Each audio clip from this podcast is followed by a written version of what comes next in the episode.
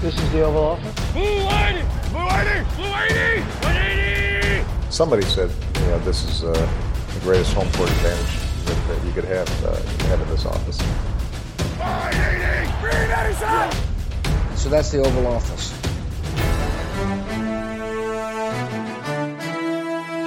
Velkommen ind for her i det ovale kontor. Vi optager her tirsdag den 27. juli. Klokken den er lidt over 5 om eftermiddagen. Jeg hedder Mathias Sørensen, og med mig har jeg, som altid, Anders Kaltoft. Hej Anders. Tjus, Mathias. Det var tysk. Ja. Jeg glemte faktisk at sige fransk i sidste uge, men jeg fangede den godt. Jamen, det Jamen, tænkte øh, jeg nok. Du må tilbage og finde nogle øh, lidt svære nogen. Ja, men det er fordi, jeg har Hansi Hinterseer på hjernen i, i, lige i dag. Ja, det kan Så. ske. Jeg har også, øh, jeg har også Thijs Joranger med mig. Hej Thijs. Goddag, Mathias. Og sidst men ikke mindst, Mark Skafte Våbengård. Hej Mark. Hej, Mathias. Jeg har samlet mine medværter her i dag, fordi sæsonen begynder at nærme sig, og det betyder jo, at vi skal snakke endnu mere fodbold, end vi allerede har gjort, og vi kommer til at gøre. Øhm, fordi training, camp begynder, training camps begynder i dag. De sidste hold øh, i NFL melder sig ind her, øh, eller melder sig klar, eller starter camp her tirsdag den 27. juli, hvor vi optager. Så øh, det bliver tid til lige at tage en snak om, hvad vi egentlig glæder os mest til at følge med i her hen over de næste par uger frem mod sæsonstart. Så øh, det har jeg bedt min øh, medværter komme med nogle bud på. Så skal vi også lige her selvfølgelig, en, og i den snak om training camp, skal vi selvfølgelig også lige snakke om Hjalte Froholt, som jo øh, går nogle vigtige uger i møde, hvor, øh, i møde, hvor han skal prøve at spille sig på holdet i Houston Texans.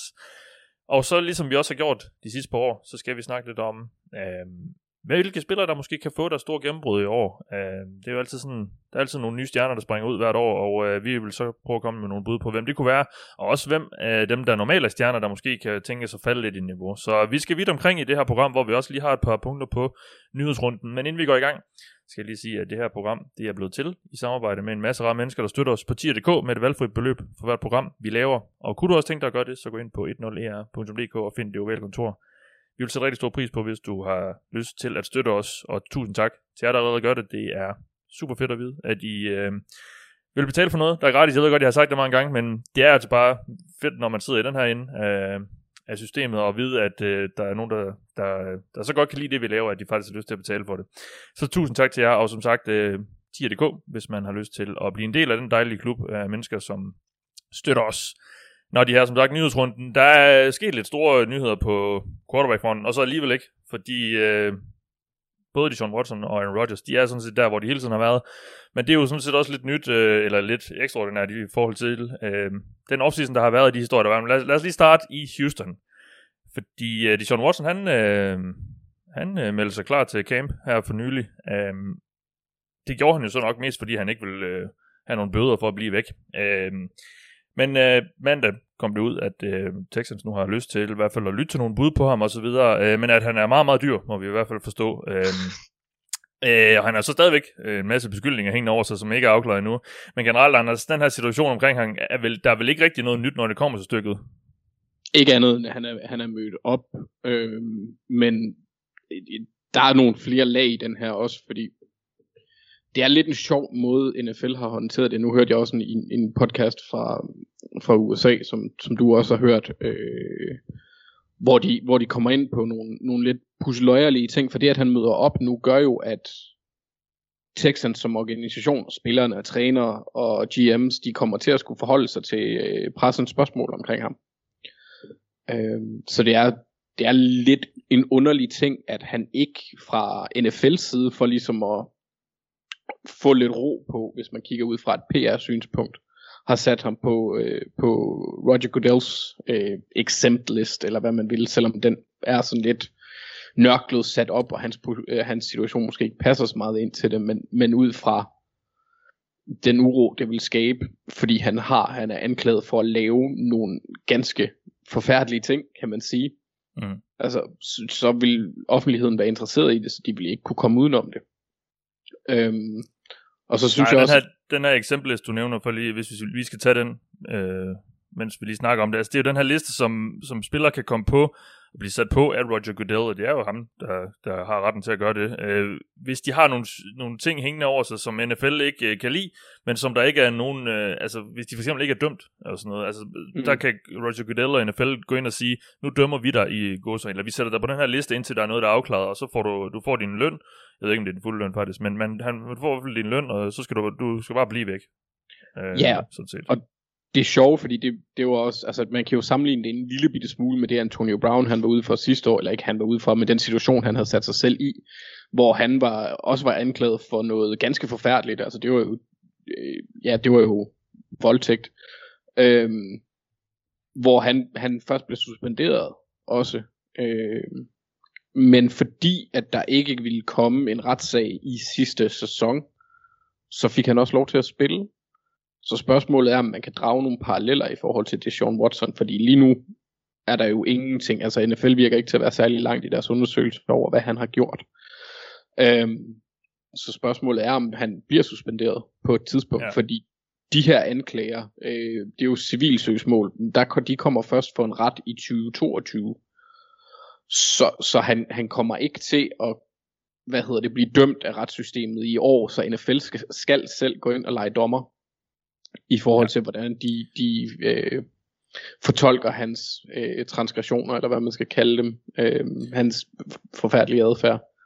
Ja, og så... spørgsmålet er, om ikke det vil være det bedste for alle parter nærmest at få ham på den her liste, fordi han har jo tydeligvis ikke tænkt sig, at nogensinde vil spille for Texans igen, og det virker jo mm. meget som om, de også er på vej videre. Øh, det, det, det har jo stået skrevet på væggen, han har sagt hele offseason, at han, han vinder bare ikke tilbage for at spille for dem. Altså, det gør han jo ikke. Han møder op i training camp, fordi han ikke gider have nogle bøder. Men ja. altså, hvis han kommer på den liste, så kan han jo blive gemt lidt væk, og så kan Texans fokusere på noget andet. De kan fokusere på, fokusere på at komme videre, og, t- og Watson han kan få nogle penge, og NFL de kan, de kan få problemet lidt øh, væk fra, fra offentligheden. Altså, jeg, jeg synes, det er lidt underligt, at der stadigvæk ikke er nogen afklaring på det. Jamen, jeg er meget enig også. Altså, rent PR-mæssigt er det jo det, det ville det være det rigtige at gøre jeg kan godt lidt lide, at, at, der, at der bliver sat lidt skruetfinger på dem, fordi jeg synes, at det er noget, man skal forholde sig til, når der er så mange af de anklager. Ja. Øhm, men, men altså ud fra det NFL's typiske måde at fungere på, der er det lidt underligt, at de ikke har gjort det endnu. Ja, nå, jamen øh, lad os se, hvad der sker med den situation. Det, øh, ja, jeg, jeg, jeg, har, jeg tror simpelthen ikke på, at han nogensinde kommer til at spille for dem igen. Øh, og jeg er heller ikke sikker på, at han kommer til at spille for i, overhovedet i år. Men lad os nu se, hvad der sker. Nå, øh, til, noget, til en anden profileret, højt profileret quarterback, fordi Aaron Rodgers, han øh, er her tirsdag mødt ind til Packers' training camp. Og det var noget, der kom i stand angiveligt måske over weekenden. Der er ikke rigtig nogen, der ved det, fordi der er jo aldrig rigtig nogen, der har helt har vidst, hvor han har stået, Rodgers, fordi han er en kæmpe drama queen, der godt har vil øh, trække spændingen ud og så videre, for at se, hvad der sker, og, og, og, og få sin... Og, at få, øh, få lidt opmærksomhed omkring det, men han er altså mødt ind nu, og det er han angiveligt efter, at øh, han og Packers er blevet enige om, ja, det er jo ikke en ny kontrakt eller noget, men det er en eller anden form for aftale, der gør, at han har lyst til at spille i år. Øh, det betyder ikke, at han får flere penge, øh, men det betyder øh, vist nok angiveligt, det er jo ikke officielt eller noget som helst, øh, at de, øh, de streger 2023 øh, på kontrakten, altså han har, han har kontrakt til og med 23, som det står lige nu, men det gælder så kun til og med næste sæson, øh, 2022, og så er der en eller anden enighed om, som det er blevet formuleret af Adam Schefter, som ligesom var ham, der breakede det her, at øh, man vil kigge på situationen efter i år. Øh, og så er der også blevet flyttet lidt penge rundt, så Packers får lidt mere cap space i år. Og, øh, og, og planen er jo så med alt det her, at, at han ikke skal blive free agent, og at, og at øh, Packers så skal, skal trade ham næste år, så kan Rodgers i hvert fald også ifølge Schefter selv få lov til at vælge, hvor han vil spille. Øh, det kræver selvfølgelig lige, der er nogle hold, der byder sig til, men må ikke der er det. Øh, Thijs, den her Rogers-saga her, den øh, ser ud til endelig nu at have fundet øh, et, eller andet, et eller andet indestation. Og det er jo endt der, hvor og vi har også snakket om det her i podcasten flere gange, at han kommer til at spille for i år. Altså, hvad, hvad, er du blevet klogere på det her? Øh, det, det er jo lidt sådan, som vi troede, det ville ende også. Ja, man kan sige, jeg synes jo, jeg er blevet klogere i den forstand, at det virker som om begge parter på en eller anden måde har sådan accepteret, at, at det her det nok bliver sidste år. Altså sådan, sådan læser jeg hele det her. Altså, at Packers er villige ja. til at rive 2023. Hvad? Ja, helt klart, ja. Ja, altså, de er villige til at rive 2023 over, og, og så, øh, ja, altså, og, og gøre klar til, at han nærmest selv kan få lov til at vælge, hvor han vil være i efter 2022. Øh, altså, så det virker jo som om Packers er hvad der siger, okay, vi, vi tager et, sidste, et sidste skud med Rodgers, og så håber de ellers, at han gider at spille reelt set, altså han gider at, at, at være 100% committed til dem i år. Øhm, og det er jo så nok det, de har prøvet at, at, få ham til ved, så det der, som du kaldte med, at, at de prøver at, hvad er det, du siger, de ligesom har prøvet at gøre ham glad ved et eller andet, uh, give ja, ham... Det, det, der er, som, som, altså det jeg lidt læser mellem linjerne, det er, at de har sagt til ham, du kan blive traded efter næste eller efter, efter, efter Jamen, jeg læser det også som om, at han får lov til at få lidt indflydelse på, hvad der skal ske i år. Der har jo været rygter om, at de gerne vil trade sig til Randall Cobb nu, ja. fordi Rodgers gerne vil have Randall Cobb tilbage. Ja. Øh, og, og sådan nogle ting, og det kan jo også være, netop har noget at gøre med, at, de, at Rodgers har gjort sådan, at, at de har fået lidt mere cap space i år, så der måske er plads til at hente en spiller eller to. Øh, og det er måske også nogle af de ting, som, som de er blevet enige om, at, at det kan de prøve at gøre. Men altså, det er jo, altså jeg synes jo egentlig, at det her, det, det maler billedet ret klart nu. Altså Rodgers spiller øh, for Packers i år, og så prøver Packers ellers at vinde, og så må de efter sæsonen, så må de jo se, hvad de kan få for ham i en trade. Øh, forhåbentlig for dem kan de få en hel masse for ham, øh, fordi han spiller endnu en god sæson. Uh, og det er jo så lidt den chance, de tager ved at, ligesom at, at så klart på en eller anden måde lade ham forlade holdet uh, efter 2021. Ja. Kan vi lige, jeg vil lige sige, ja. det, er, det, er, det er satme interessant det her. Altså det er, det, det er sgu sjovt at prøve at se en sæson. Øhm, nu, nu gjorde Rodgers det vel egentlig selv sammen med Davante Adams, da de postede det der Last Dance billede der. Ikke? Ja, ja, præcis, ja. Øh, og det er jo det, det er virker det til. Ikke? At det ja. kan jo næsten ikke sættes mere op på den måde. Men da man sad og så den dokumentar om Jordan og Bose på det tidspunkt, der havde jeg ikke nogen idé om. Der ved jeg heller ikke, jeg tror ikke pressen vidste på det tidspunkt, at det var sådan, det var. Det ved vi nu. Altså vi kommer til at sidde og se den her Packers-sæson, hvor at de bare kommer til at være all in. Selvfølgelig skal de, havde vi regnet med, at Packers var all in, men all in på en anden måde, hvor man bare må sige, at, at, at uh, Rodgers er ikke forpligtet til det her hold længere, og det, det, det er en mærkelig på en eller anden måde gnidning, altså som kommer til at være, jeg kan ikke huske, at jeg har set et NFL-hold, som, med så stor en spiller, som går ind på den her måde, hvor vi så klart ved, at han er der nok ikke næste år, og det her, det er et forsøg for organisationen, og for ham på bare at sige, vi giver det et skud med alt, hvad vi har, Måske også det var til Adams, det kan også være det hans sidste sæson.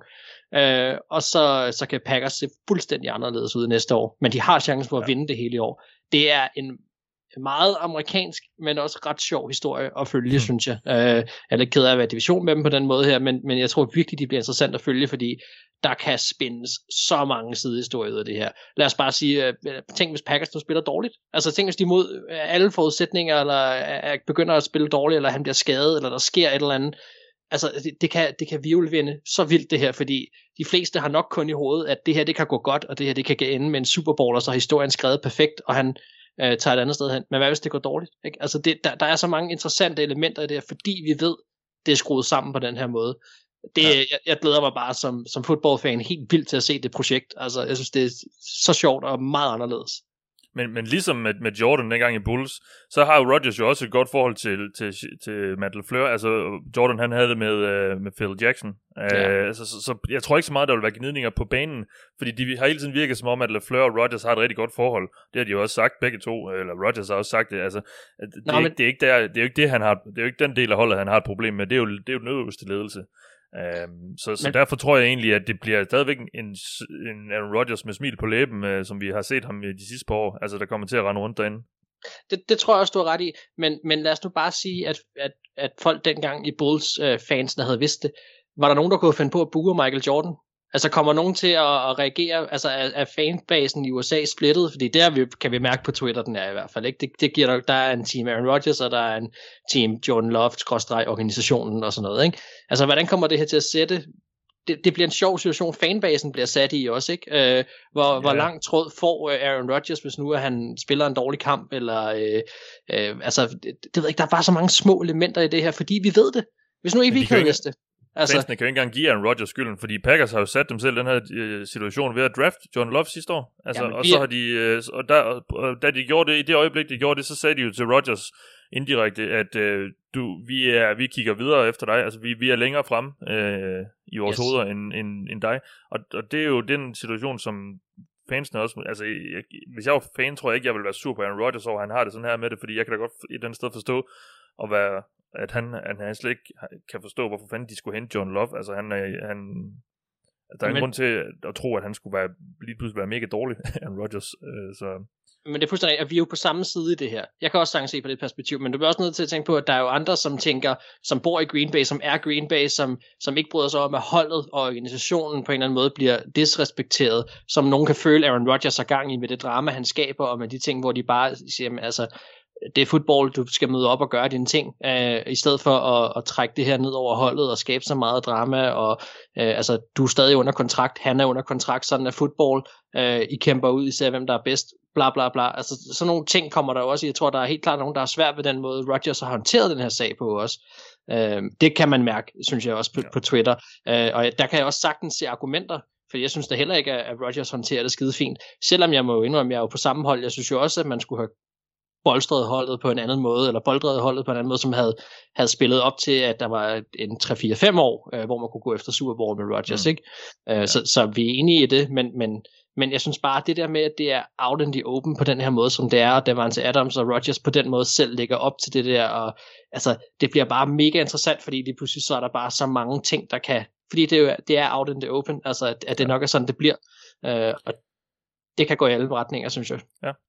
Jamen, øh, det bliver spændende at se, og øh, så ja, netop bare nyde hans sidste sæson i øh, Green Bay Packers. Det skal fansene i hvert fald nok gøre. Øh, så må de så håbe på, at John Love han kan tage over øh, med succes. Nå, lad os lige tage et sidste punkt på dagsordenen. I sidste uge, der snakkede vi om, at David Onyemata, han stod til at, eller han kom til at misse seks kampe for New Orleans Saints, der på den defensive linje. Det var så på grund af en øh, karantæne. Nu er det så på den anden side af bolden øh, en af de største profil, ja, vel nok den største stjerne nu, efter Drew Brees han ikke er der længere, uh, Michael Thomas, wide receiveren, som uh, er blevet skadet, og uh, det har han sådan set været et stykke tid, men nu uh, står det i hvert fald klart, at han kommer til at misse, så vidt, eller med al sandsynlighed de første seks kampe af sæsonen, fordi han kommer til at blive placeret på den her physically unable to perform liste, som er sådan lidt en, en IR uh, light-agtig liste, hvor man jo bliver sat på, hvis man ikke er klar til, til sæsonstart, og så misser man så de første seks kampe. Øh, Mark, er du stadig øh, over på Saints? Nej, jeg vil sige, det begynder at se svært ud. altså jeg vil sige, jeg holdt jo fast i noget, jeg havde sagt i det program, som, som ingen, det, det episke program, ingen har hørt. Og det, der ja. valgte jeg at holde fast i det ugen efter igen, på trods af, at de fik slag på den defensive linje. Den, der tænker jeg nej, det vil, der vil jeg gerne holde fast i, i, i, i nogle af de argumenter, der stadig er. Men jeg havde også en idé om, jeg ved ikke om jeg fik nævnt det, men jeg havde i hvert fald en idé om, at nogle af de her ting også kunne hænges på Michael Thomas, og jeg stadigvæk stolede på, at han kunne noget, selvom han måske ikke havde verdens bedste sæson inden. Øh, der var han trods alt stadig et navn, der, der kunne tiltrække noget opmærksomhed, og som måske kunne brænde af for en god sæson. Så, så jeg synes, det er svært nu. Altså, øh, man kan sige, at hovedargumentet i, at Sean Payton bare skal, skal coache et hold til, til en nogenlunde gennemsnitlig sæson, den kan jeg stadig måske holde fast i, men ni sejre begynder at blive svær. Altså, nu, nu, nu er jeg nok nærmere nede omkring de syv. Øhm, jeg, synes, det, jeg synes, det ser lidt hårdt ud, fordi det er sgu lang tid, de er ude begge to. Ikke? Øhm, så, så det er, ja, jeg, jeg, jeg får det nok lidt svært med at skulle holde fast i, øh, i min lidt spicy udtalelse fra, fra sidste uge, fordi jeg, jeg havde lidt håbet, at han også var der og, øh, og kunne vise noget. Altså, det, det er klart, det gør det ikke nemmere, det her. Slantboy, han er altså ude, i hvert fald ja. i starten af sæsonen, må vi nok uh, desværre sige. Nå, men så lad os gøre det, vi faktisk er samlet her for at gøre, netop snakke lidt om uh, training camp, som jo er i gang for langt de fleste, eller som for alle holds vedkommende nu her fra tirsdag. Uh, holdene skal nu bruge de næste uge, uger på at uh, finpudse formen og spillene og det hele, og blive klar til sæsonen. Og uh, i den forbindelse har jeg spurgt min medværter, hvad, hvilke camp battles, der er altid de her ja, øh, dueller, om man så må sige på dansk, om øh, på nogle positioner på de forskellige hold, hvor nogle spillere måske skal kæmpe for en eller anden starterplads, eller så videre. Øh, så jeg har spurgt mine medværter, hvilke camp battles og eller andre historier, de kommer til at holde øje med over de næste par uger. Og Thijs, øh, hvad, hvad har du i sigte? Jamen, øh, jeg har et par stykker i sigte. Jeg, tager, jeg har en på hver side af bolden, men lad os bare starte på den offensive del, hvor jeg har taget lidt fat i Jets. Øhm, og, og hele, det, hele deres wide receiver gruppe, og måske også samspillet med Zach Wilson, øh, som jo på et eller andet tidspunkt formentlig møder ind i camp, når han har fået skrevet under på sin kontrakt. Det har de bare fået gjort hurtigt, fordi at, øh, de har ligesom ikke rigtig andre quarterbacks, det skal være ham. Øh, men, men, men den her wide receiver gruppe, de har, synes jeg er virkelig interessant. Øh, fordi jeg synes, de har reelt set, de mangler jo selvfølgelig en etableret øh, stjerne, men de har, rigtig, de har fem med lidt god vilje, seks wide receiver, der kan noget her. Øh, I hvert fald fem mand, som, som kæmper om starterpladserne, vil jeg, vil jeg antage. Og, og jeg synes jo, det, det er super interessant, fordi de også har investeret så meget i det. De har selvfølgelig været ude i free agency og hentet øh, Corey Davis til en stor kontrakt. Han kommer til at starte, det kan der ikke være nogen tvivl om. Og han havde også en eller anden form for gennembrud sidste år med, med 984 yards og, og fem touchdowns i, i kun 12 kampe. Øh, så har de jo også været ude at hente øh, i draften selvfølgelig højt i anden runde Elijah Moore, som er den her lille vævre slot receiver, der har jo i løbet af forårstræningerne jo efter sigende været helt absurd god og bare smadret alt, og nærmest lignede deres bedste øh, øh, receiver i, i de her forårstræninger. Kan han bære det med over i training camp, når der kommer, når der kommer pads på? Øh, og, og, og kan han ligesom sikre sig en stor rolle allerede fra, fra første sæson her, hvor han jo måske sammen med sin rookie-marker Zach Wilson har en eller anden connection.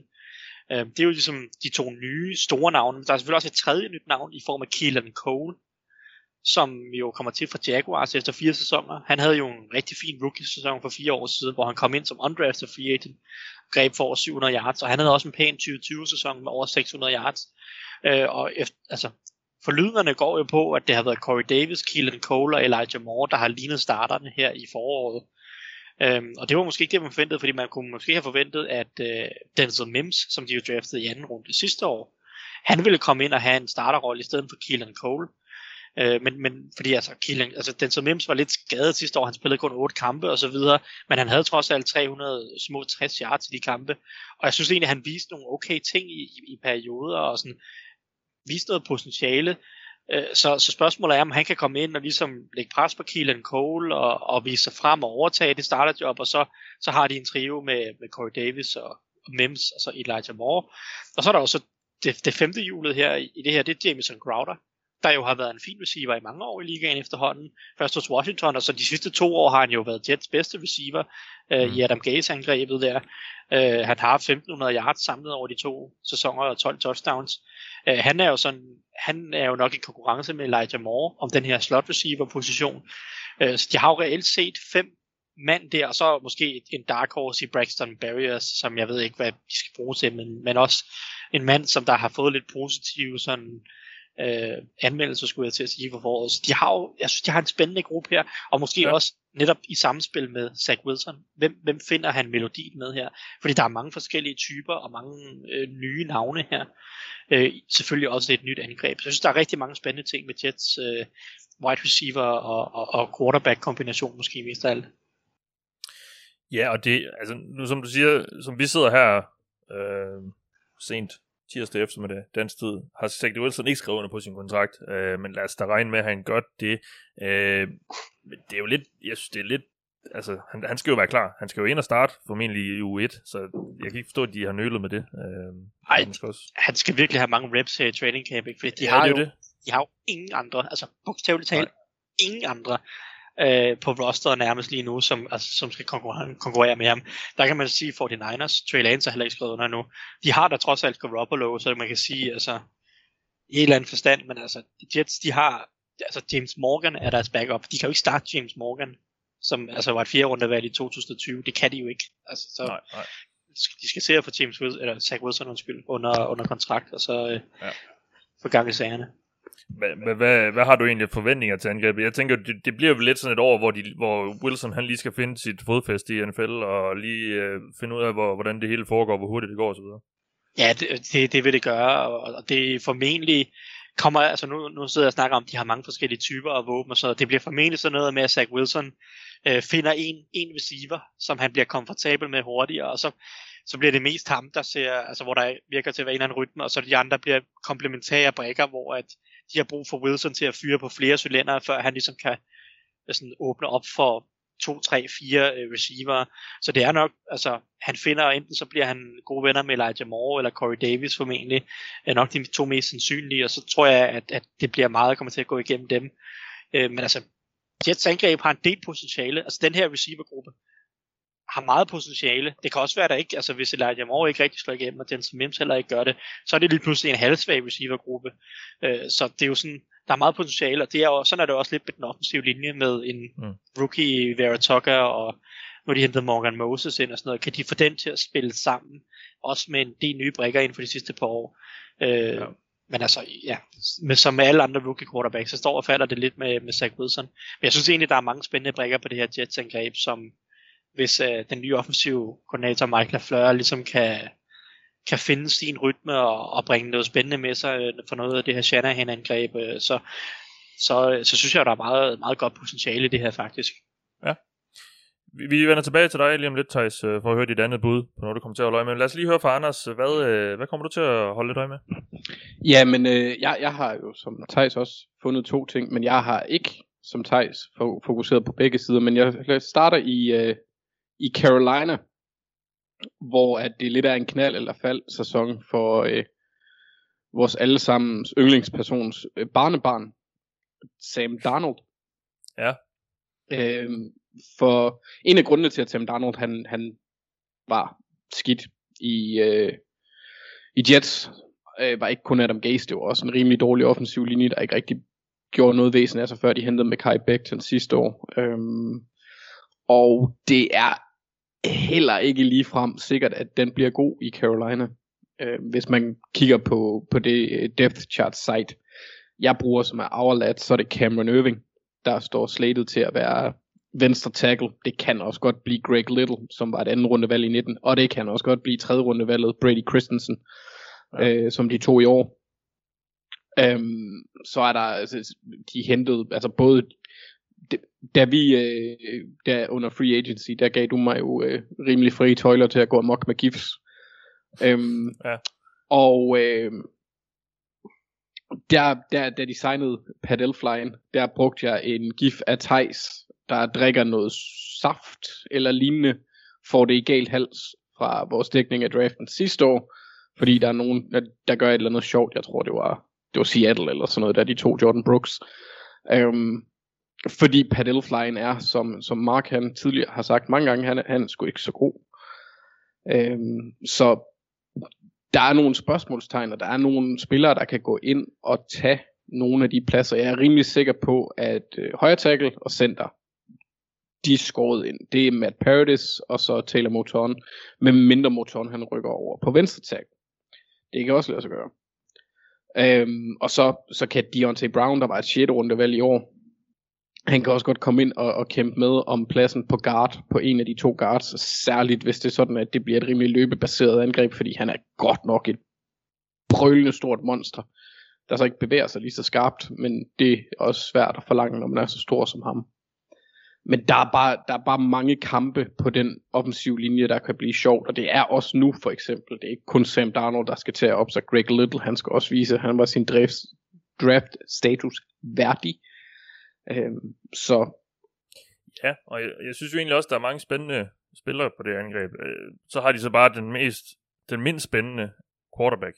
Altså, og ja, og jeg ved godt, jeg har sagt det mange gange, men jeg synes simpelthen, det er så uinspirerende, det de har gang i der. Øh, Ja. Så, så hvad, hvad kan man bruge det? Ja, altså, de kan selvfølgelig...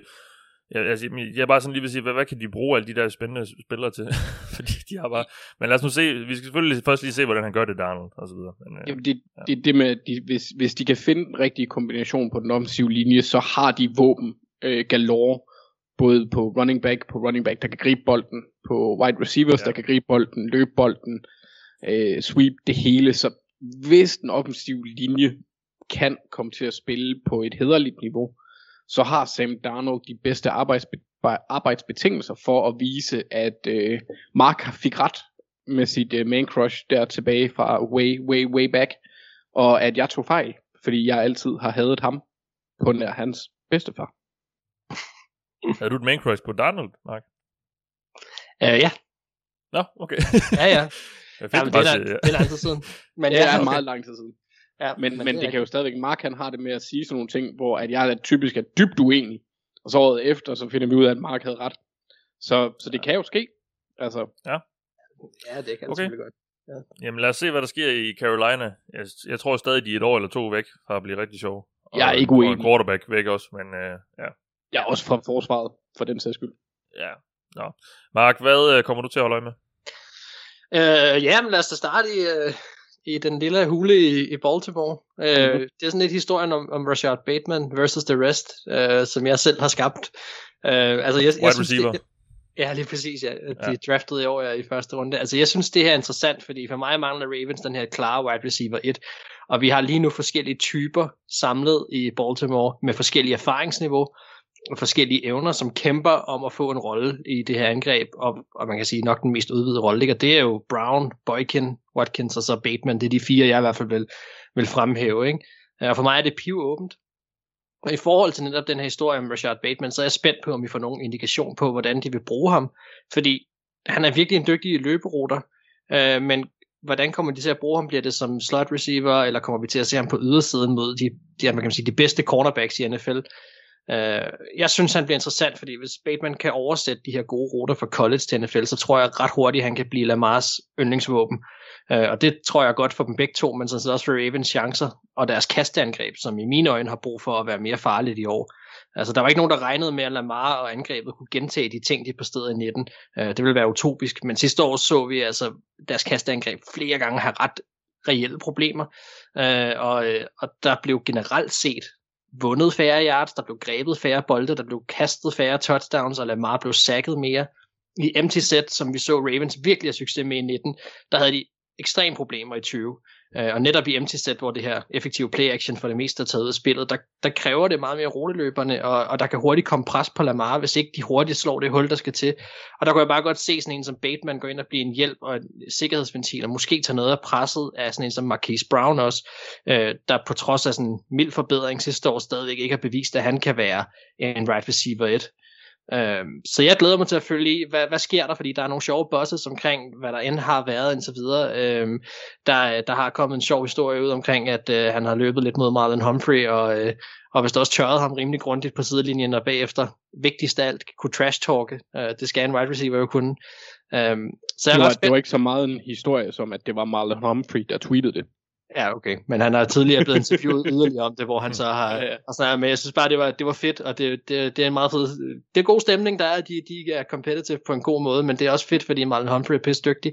Så det er fedt, at han kan gå ind på den måde, og, og allerede nu gå ind og, og hvad kan man sige, gå ind og lægge noget pres på, og, og vise, at den her rookie, han kan også noget, og han har fart i fødderne, og også er dygtig til at bevæge sig. Uh, altså, hvis vi lige kigger på, Ravens kom til Baltimore i 1996, og i ifølge ESPN, så siden da har de aldrig nogensinde draftet en Pro Bowl wide receiver. Um, det er lidt interesseret i, om de kommer til i år. Og jeg tror, jeg tror Rashad Bateman bliver sjov at følge den her sæson, men jeg, hypen starter i camp, og jeg er rigtig spændt på at se, hvad hvor mange hoveder han fortsætter med at vinde, øh, når training camp starter, og hvordan han bliver, når han reelt set bliver sat op mod de her andre wide receivers øh, i de træningsøvelser, de nu kommer til at køre. Ja. Anders, du er Baltimore-fan. Hvordan ja. øh, ser du alt det her? Men altså, jeg var jo spændt på, fordi da Mark han havde skrevet det ind i vores rundown, så tænkte jeg, øh, jeg, jeg vil meget gerne høre, hvad han siger, fordi jeg synes, det er den mindst uinteressante camp battle, der findes i år. Øh, men måden Mark fik den præsenteret på, gør den interessant egentlig, fordi det er sådan historien om Bateman, og så hvordan det følger ind i, øh, ind i sæsonen, fordi jeg tror ikke, at der er nogen tvivl om, at de tre øh, første receiver på Ravens angreb bliver Bateman, øh, Hollywood og Watkins, bare på grund af de investeringer, der er lagt i dem. Jeg ja. tror så til gengæld, at øh, han nu nævner han Miles Boykin som den fjerde. Jeg tror, han er på... Øh, han, han, han kan meget nemt blive cuttet. For jeg tror, de holder på, på Duvernay, for eksempel. Mm. Øh, i, det er også i grad. Ja. Nej, men jeg tror, jeg tror, der er ingen chance for, at de cutter Duvernay. Han var et tredje rundevalg sidste år. Det vil overraske mig meget. Øhm, og så er der nogle andre øh, lidt mere pay spillere, hvor det, det kan være så James Prochet og sådan noget. Men det var jo ikke det, Mark han ville ind på. Det var jo ikke selve battlen, men mere historien omkring hans øh, performance i, ja. øh, i, i, i campen. Jeg er egentlig ikke sådan... Altså, jeg, jeg har hørt det, jeg vil om Rashad Bateman af positive ting. Sådan, øh, det eneste, jeg ikke vil have, det er, at der kommer negative ting ud fordi jeg er egentlig mere interesseret i, hvordan de får ham implementeret inden, inden sæsonen. Fordi jeg, jeg er ret sikker på, at han kommer til at spille uanset hvor. Altså medmindre han er helt forfærdelig, og det ja. viser, det, det, det tror jeg bare ikke, han bliver. Nej, øhm, okay. Øh, så, ja. Jamen så, øh, vi kaster bolden tilbage til dig, Thijs, og det øh, kunne jeg så forstå, skal handle lidt om øh, noget på, for, på et eller andet forsvar. Yes, jamen øh, vi skal kigge på begge sider af bolden her. Og nu har jeg jo været lidt efter øh, Seattle Seahawks.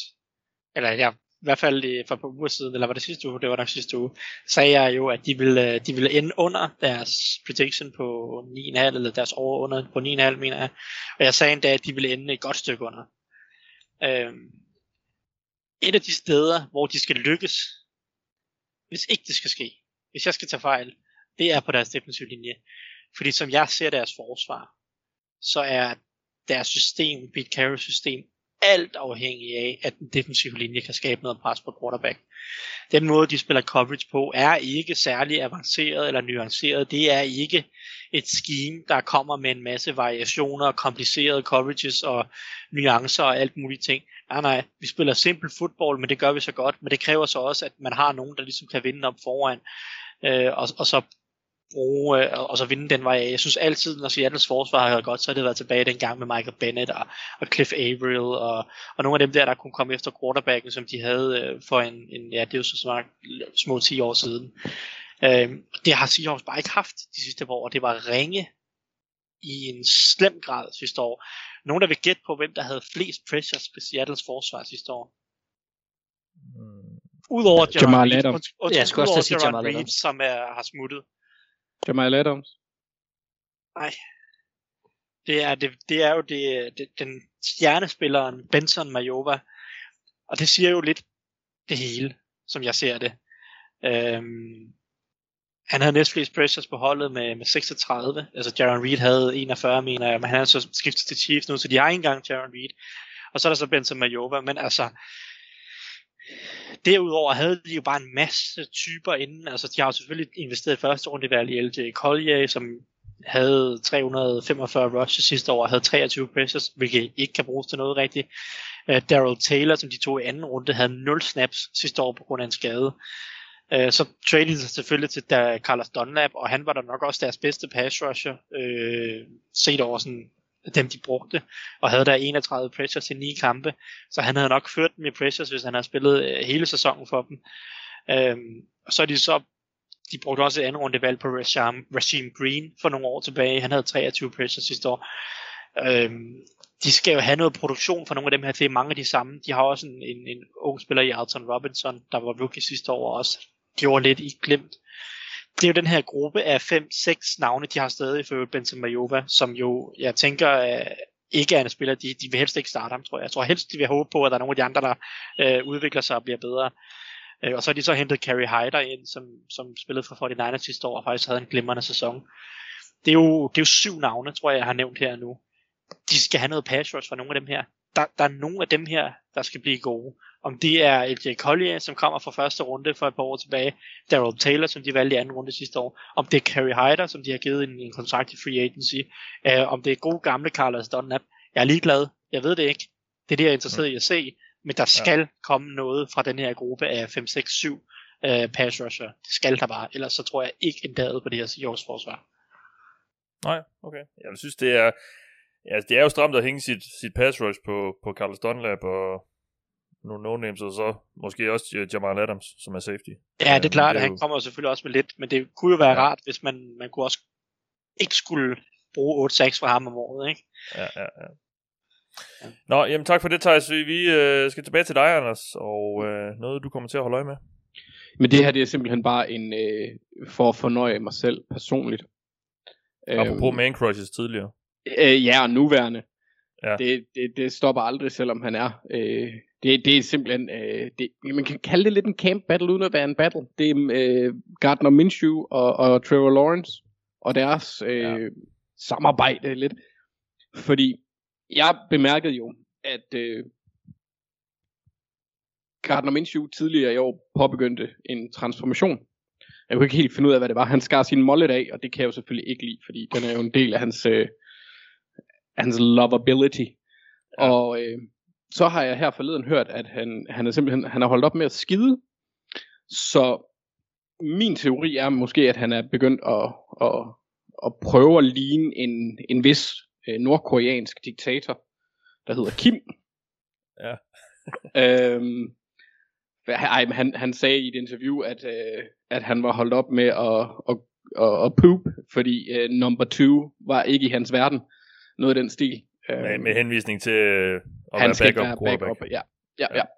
Men jeg er også, fordi hvis det er sådan, at der er nogen tvivl om, hvad øh, Trevor Lawrence han kan, så beholder de ham jo nok. Men hvis han viser, at han kan, han kan stå distancen, og Gardner Minshew samtidig viser, at måske har nogle gode kampe i, i uh, training camp, og, eller ikke i training camp, i uh, preseason, så kan det jo godt være, at han kan, han kan handles for et, øh, et valg, der er højere end det, de brugte på ham. Særligt ja. hvis der er en, en skade eller noget andet, der skal falde ind hos et... Ja, øh, der er jo ikke nogen, der er jo ikke nogen battle. Altså, de, de skal have Trevor ind for at spille. Jo jo, uden tvivl. Og, og jeg er også jeg er næsten også sikker på, at han vinder. Altså, jeg er svært ved at forestille mig andet, øh, end at han starter og får størstedelen af alle snaps, øh, der gives, gives til træninger i training camp og i kampe. Men jeg kunne godt se Gardner Minshew få lidt et marked øh, senere, sådan, senere i august måned, særligt hvis der kommer skader på nogle specifikke positioner, fordi det er nu her, de skal cash ind på hans værdi, også hvis de skal have noget for ham. Og han er ikke en forfærdelig spiller. Han er, han er lidt en ung Ryan Fitzpatrick i forhold til, at du kan godt leve nogle kampe med ham. Ja, han er vel sådan en, en semi-high-end backup. Altså, du, det er jo ikke, det Ja. er jo ikke en, nogen hold henter for at vil bygge noget op om. Det tvivler jeg også på, men jeg, jeg, jeg kunne godt forestille mig, at man gerne, eller man, man vil have ham ind, hvis det er sådan, at øh, der er en skade, eller der er et hold, der bare fuldstændig crasher, som ikke har en, en yngre quarterback backup. Øh, men, men altså, det er bare også, altså, det, det, det er en sjov, Jacksonville overordnet set er en sjov historie, en sjov, spændende historie, Hmm. og følge også i training camp øh, hele, helt frem til, til sæsonen, også på grund af det setup, de har og de spillere, der er der og kommet til, særligt på quarterbackpladsen, og så Urban Meyer, hvad pokker han finder ud af, fordi han er åbenbart tydeligvis allerede træt af NFL. øh, og de regler, der er, de overrasker. Han kommer åbenbart bag på ham. Ja, noget Øhm, med noget træning og... Ja, ja, ja, men han har jo også fået sin første bøde sammen med Ja. Nogen, der er mere. Øh, Jeg tror, Kyle Shanahan fik, han, han, Kyle Shanahan fik også en rimelig stor bøde. Men det er hele, hele den der... Øh, ja, det ved jeg ikke. Hvad, øh, jo, historie er vel det bedste at kalde det omkring Jacksonville Jaguars. Bliver spændende at følge, Mm. fordi der er meget, der skal på plads i, i training camp. Øhm, ja. Det er lidt ærgerligt for mig at se, at de ikke blev valgt som hard knocks. Jeg vil rigtig gerne have haft indblik i første års rookie-træner fra college. Er det ikke noget med, at de ikke kan det, når de har en rookie head coach? det er rigtigt, ja. Er det, ikke, er, det, er det ikke sådan et eller andet med det? Det, det, det giver mening, men jeg ville godt nok gerne have set det. Ja, ja, det kunne uh, være spændende. Nu må vi så til... Ja, det er Cowboys igen, ikke? Jo. Ja. ja så vi får får lidt Cowboys og lidt, øh, lidt Rams gengangeri, fordi de øh, åbenbart skal øh, træne sammen. Ja, det er lidt kedeligt. Nå, øh, fra to quarterbacks til to andre quarterbacks, Mark. Ej, nogen synes, jeg skulle tage den. Så nu tog jeg Fields og Dalton. Øhm, altså, der kommer allerede, Chicago, Ja. ja, i Chicago, ja. Der kommer allerede nogle, nogle sjove, fine meldinger fra det, jeg bare vil vælge at kalde bærslejren. Øh, blandt andet en receiver, som nok gerne vil have Fields på banen så hurtigt som muligt, så han kan kaste nogle lækre, dybe bolde. Øh, Donald Mooney. Jeg læste et ret sjovt øh, interview med ham, hvor jeg simpelthen kom til at sidde og smile også selv, fordi han fortalte, at den første øh, dybe bold, han modtog fra Fields, da han vendte sig om og så bolden i luften, mens han løb ruten, der begyndte han at sidde og smile ind under hjelmen, fordi han bare var, det var en forløsning, altså at, at, at han var sådan, den her, den svæver så godt, den ligger så perfekt. Ja. Øh, og, og, øh, og jeg har sådan lidt, selvfølgelig er der, øh, det er jo træning, og selvfølgelig er der altid lidt hype og sådan noget nu her omkring, for alle, der, alle laver verdens bedste, hvis du spørger ved hver deres hold, men, men jeg kan alligevel ikke lade være med at tænke, at der er en reel forløsning, eller må være en reel forløsning hos nogle af de her Bears wide receivers, som må begynde at kunne se, hvad kan det her udvikle sig til, øh, og, og hvordan er det at leve under en bedre quarterback, end hvad de tidligere har haft. Øhm, så det bliver interessant, om den der hype øh, omkring Fields internt på holdet og, og, og blandt spillerne bliver den større, fordi Jalen Johnson har også været ude og snakke om Fields nu, og var også, det var også ret interessant, hvad han sagde, fordi han var bare sådan rimelig kort for hovedet sagde, altså alt, hvad der vi er blevet lovet af, omkring Fields som talent, det er der. No doubt. Han kan løbe bolden, han kan kaste bolden, han kan gøre det hele.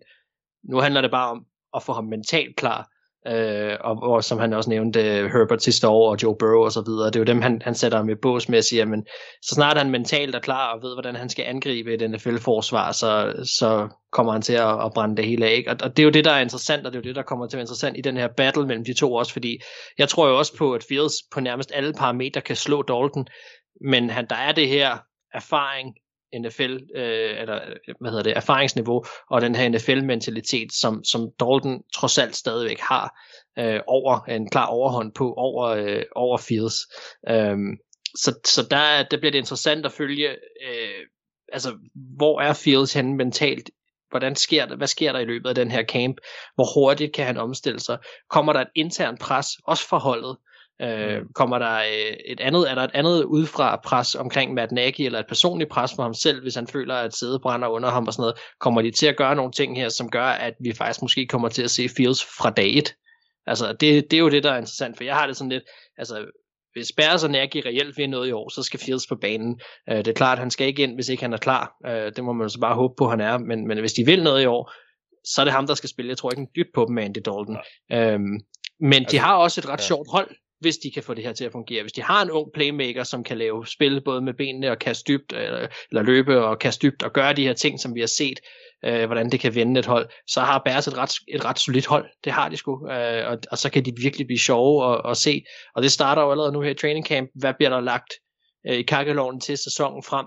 Bliver der lagt i kakkeloven til, at, at, vi, at, at han overhovedet ikke mentalt er klar, og det kræver en Dalton skade, eller en midt ind i sæsonen, før vi får ham at se, eller snakker vi reelt om en spiller her, som kan komme ind ret hurtigt, at blive en del af, af det her, og Andy Dalton så er hans backup. Altså, det, det bliver ret interessant at følge. Ja, altså at Matt Nagy har jo været ude at sige tidligere i offseason, at planen er ligesom, at Andy Dalton skal være der quarterback i U1, og så må man se derfor, men det er jo også en træner og, øh, og en general manager, der er, der er under pres.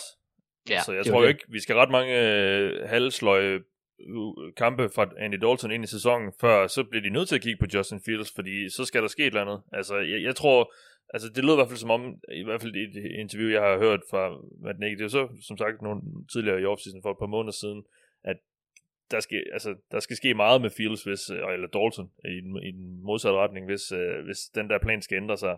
Men mm. det er mm. klart, altså kommer han nu ind i offseason og bare, eller her i camp og brænder banen af, og og alle øh, receiverne står og råber på, at det skal være ham, så, så, så kan man ikke vel ikke øh, kigge den anden vej. Det, det bliver spændende at se, men øh, NFL-træner er jo meget konservativ tit, øh, og når de føler, hvis de føler, at de har en eller anden øh, veteran quarterback, som, som stadig har noget i sig, og det tror jeg måske mange, en stor del af NFL stadig kigger på Dalton og siger, at det er en mand, man godt kan starte, og så videre, øh, indtil en eller anden rookie er klar.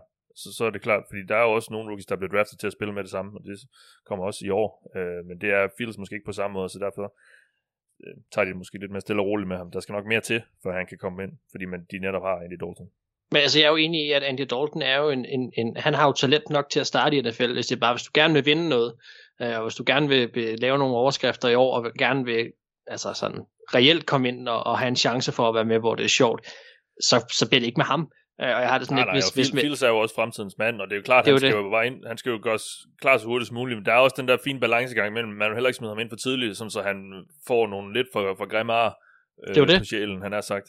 Men, men der, er det jo, der kommer det der element af både intern pres på holdet. Der er nogle spillere her, som har både ledet Trubisky-tiden igennem øh, i flere år, men også kun sidste år, som hvis de kan se, at, at, at, at Fields han virkelig kan nogle ting, de har hungret efter i deres spil, øh, kommer der så et internt pres, som du siger, receivermæssigt, tight ends og sådan noget, øh, og så samtidig også, hvad sker der med Matt Nagy i, i forhold til, hvad, hvad er egentlig den reelle situation omkring ham?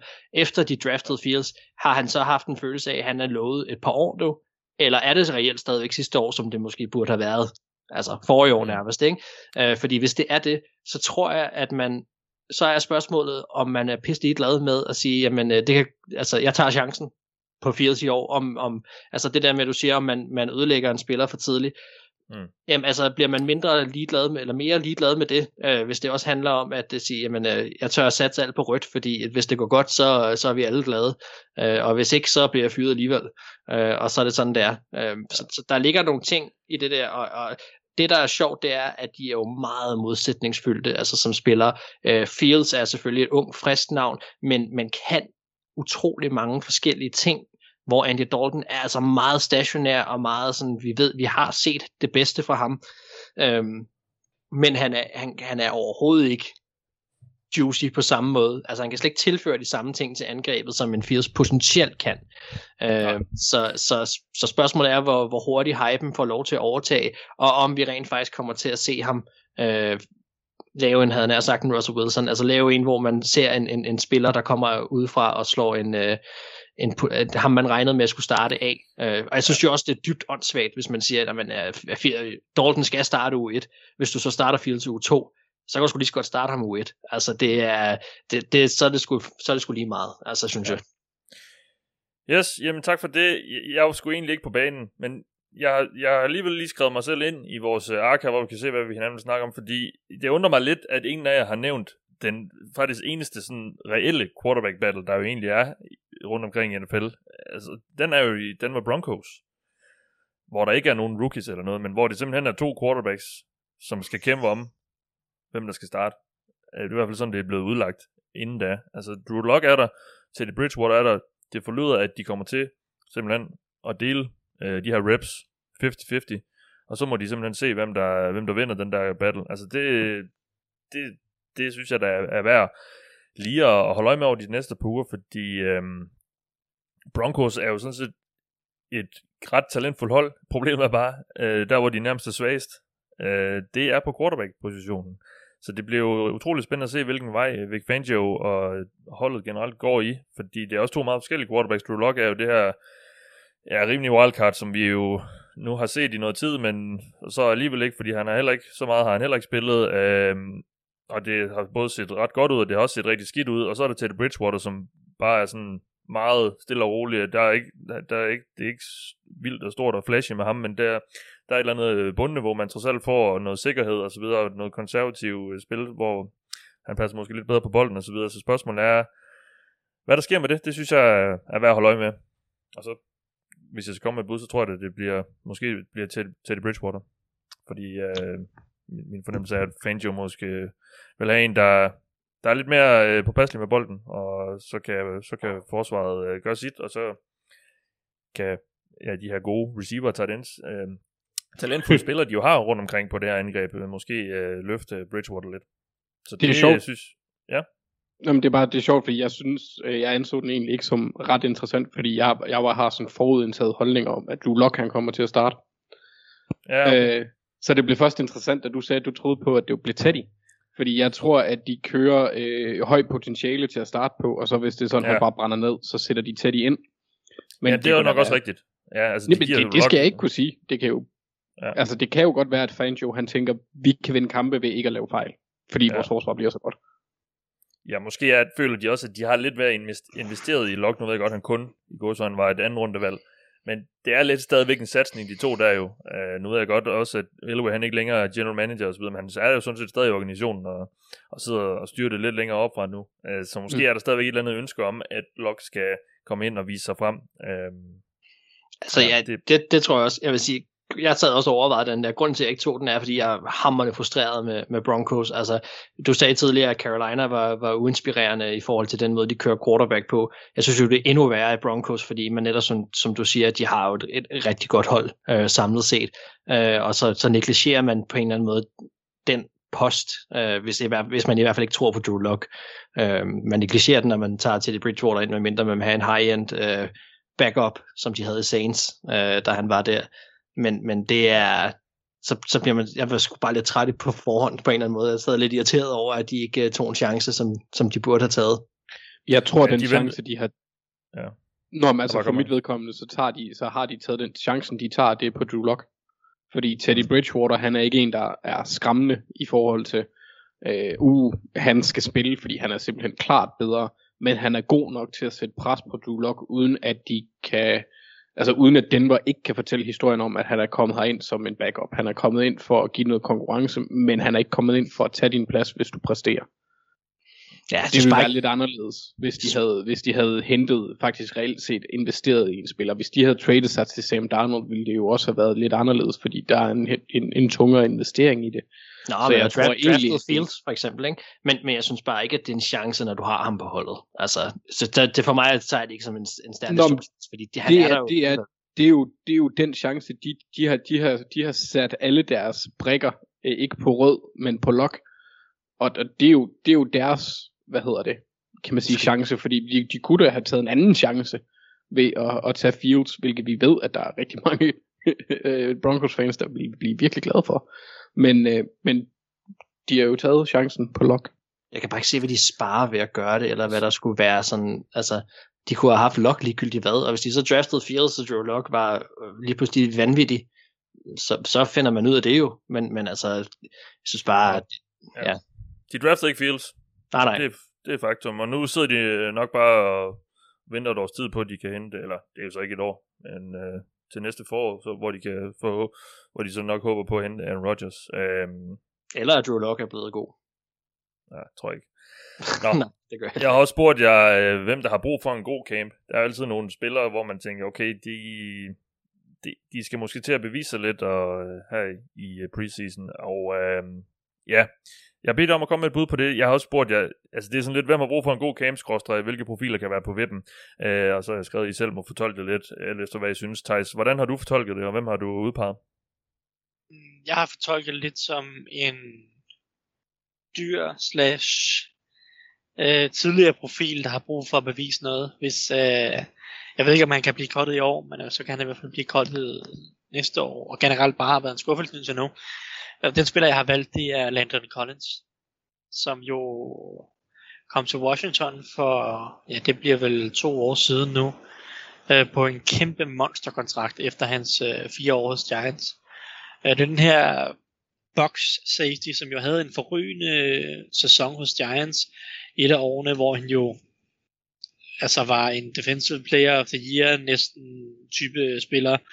Øh, måske ikke helt, men så lige under det i hvert fald, tilbage i, i 2016, så, så kom han jo, så havde han to OK sæsoner efter det, og så kom han jo så til Washington på den her monster-aftale, øh, som jeg mener var 5 år 90 millioner agtigt. 6 år 80 et eller andet. 6 år 80. Øh, Anders styr på tallene. I hvert fald den her monsteraftale, der var alt for meget for ham dengang, og jo har bare vist sig at være endnu mere for meget øh, nu. Han spillede selvfølgelig 15 kampe i 2019, og det var nok hans dårligste sæson i NFL. Øhm, og så blev han så skadet sidste år, cirka halvvejs i sæsonen. Øh, og ind i stedet for ham kom jo en rookie, som de havde valgt i 6. runde, der hedder Cameron Curl, som Anders jo også snakkede lidt om i forrige program. Øh, han gjorde det rigtig godt for Washington. Øh, rigtig alsidig og, og kom ind, og han fløj bare rundt på det her øh, sjove øh, forsvar, som Washington havde sidste år.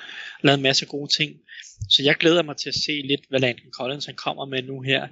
Øh, for det første oven på skaden. Han skal jo tilbage i en eller anden form for fysisk øh, form, og en, en, en af toppræsterer øh, men også øh, hvad han kan få af rollen på forsvaret, fordi spørgsmålet er, om han går ind og overtager sin gamle rolle, og så må Cameron Curl gøre lidt noget andet, eller om man kan få Landon Collins til at gøre lidt noget andet, eller om du ender i en situation, hvor at du kan blive nødt til at cut Landon Collins, for de kan godt cut ham, uden at tabe noget, som set, altså så går det bare i 0. Men så tager de også et, Ah, han får Jo, et dead altså- cap på 26 millioner. Nej, ikke fordi det, det er post first junior øh, på nuværende tidspunkt. Øh, hvis de cutter ham nu. Altså, det er rigtigt, hvis de havde cuttet ham før 1. juni, så havde det været 26. Hvis de cutter ham nu, havde det været sej- så er det 16, ikke? Uh-huh. Øh, så det går bare i 0. De vil stadig have et dead cap på 16 millioner dollars, hvilket jo stadig er uhørt meget, og ikke ret spændende for Washington. Men jeg glæder mig til at se, hvilken rolle han får, og han har virkelig brug for at gå ind og bevise noget, også hvis han, altså, fordi hvis han ikke beviser noget som helst i år, så bliver han, og jeg tror nærmest uanset hvad, så er det hans sidste sæson i Washington. Øh, og det er så spørgsmålet, om det kan blive sidste, øh, sidste preseason, øh, om det er kottet før, øh, før sæsonen, eller om han bliver også efter sæsonen, eller bare hvilken rolle han får. Øh, fordi man kan sige, at Washington mangler lidt en free safety, men det er jo bare ikke Landon Collins. Han er en box safety. Det, øh, han skal ikke bruges til andet. Så jeg glæder mig til at se, om man kan genfinde lidt niveau. Fordi han havde jo et par fine sæsoner hos Giants. Han var en god spiller i, i, i den rolle, han havde hos Giants der i 2016-2017. Kan han genfinde det? Øh, hvordan bliver han brugt? Kan han overhovedet vinde sit job tilbage? Øh, jeg synes, der er mange spørgsmålstegn omkring Landon Collins. Øh, Ja. ja. Så, så ham, ham glæder mig til at se, og han, jeg synes, han har behov for at bevise noget, øh, når han har så voldsom en kontrakt. Han er den spiller, der har den næsthøjeste cap hit på, på Washingtons roster.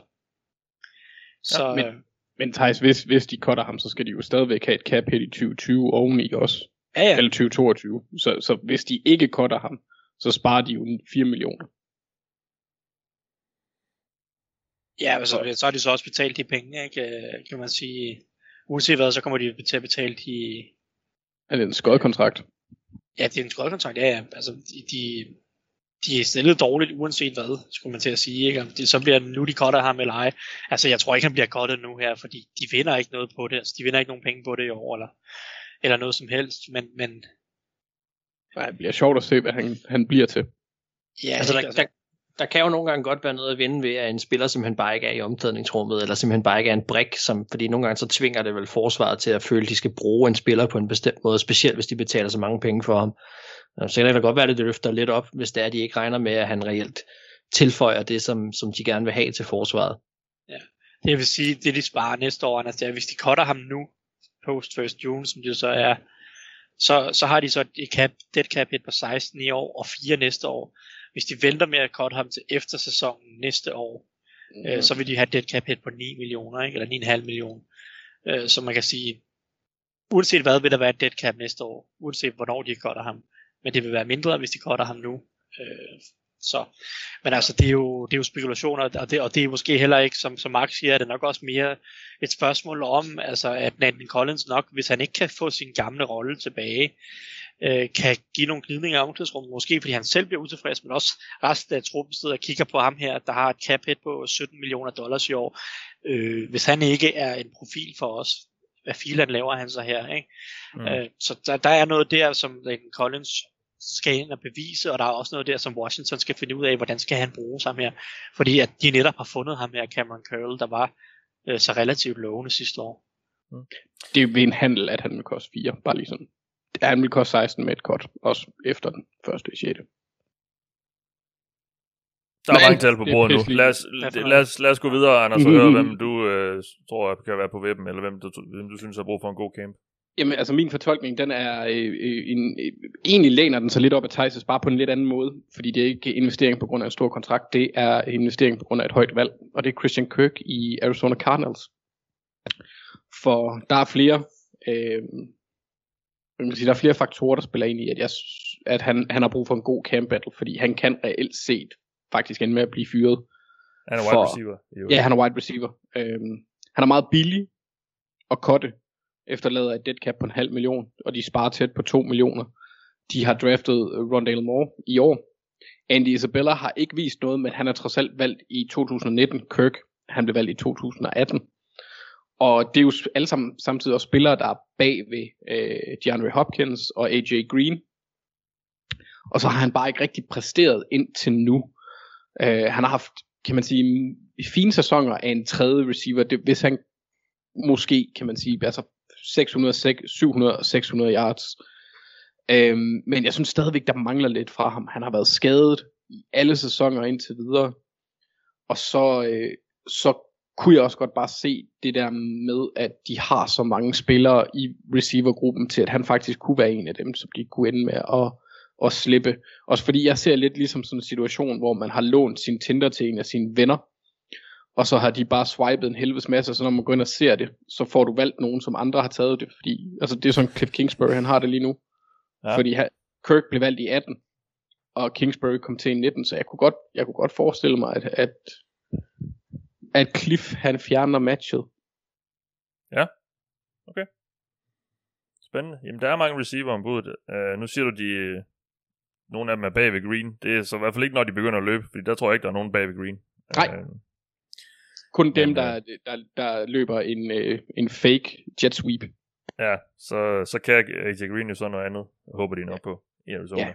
Nå, nej, ikke mere uh, slander mod uh, min gamle held. Uh, Ej, lad os i stedet høre, Mark, hvem du uh, har øje på her. Ja, ja, nu er vi jo inde i, i fortolkningen. Jeg havde egentlig ikke tænkt så meget over, at om, altså det der med at være på vippen, om det er en spiller, jeg tror kan blive cuttet. Ikke fordi han ikke kan, det kan han sagtens. Øhm, men det er egentlig ikke så meget det, jeg har vinklet det imod. Det jeg er mere interesseret i, det er historien omkring øh, den måde, han blev draftet på, til hvad vi troede, han skulle være, og jeg synes, den her offseason kommer til at bevise, om han kommer til at være det eller ej. Uh, det er Andrew, eller Andre Dillard i, uh, i Eagles.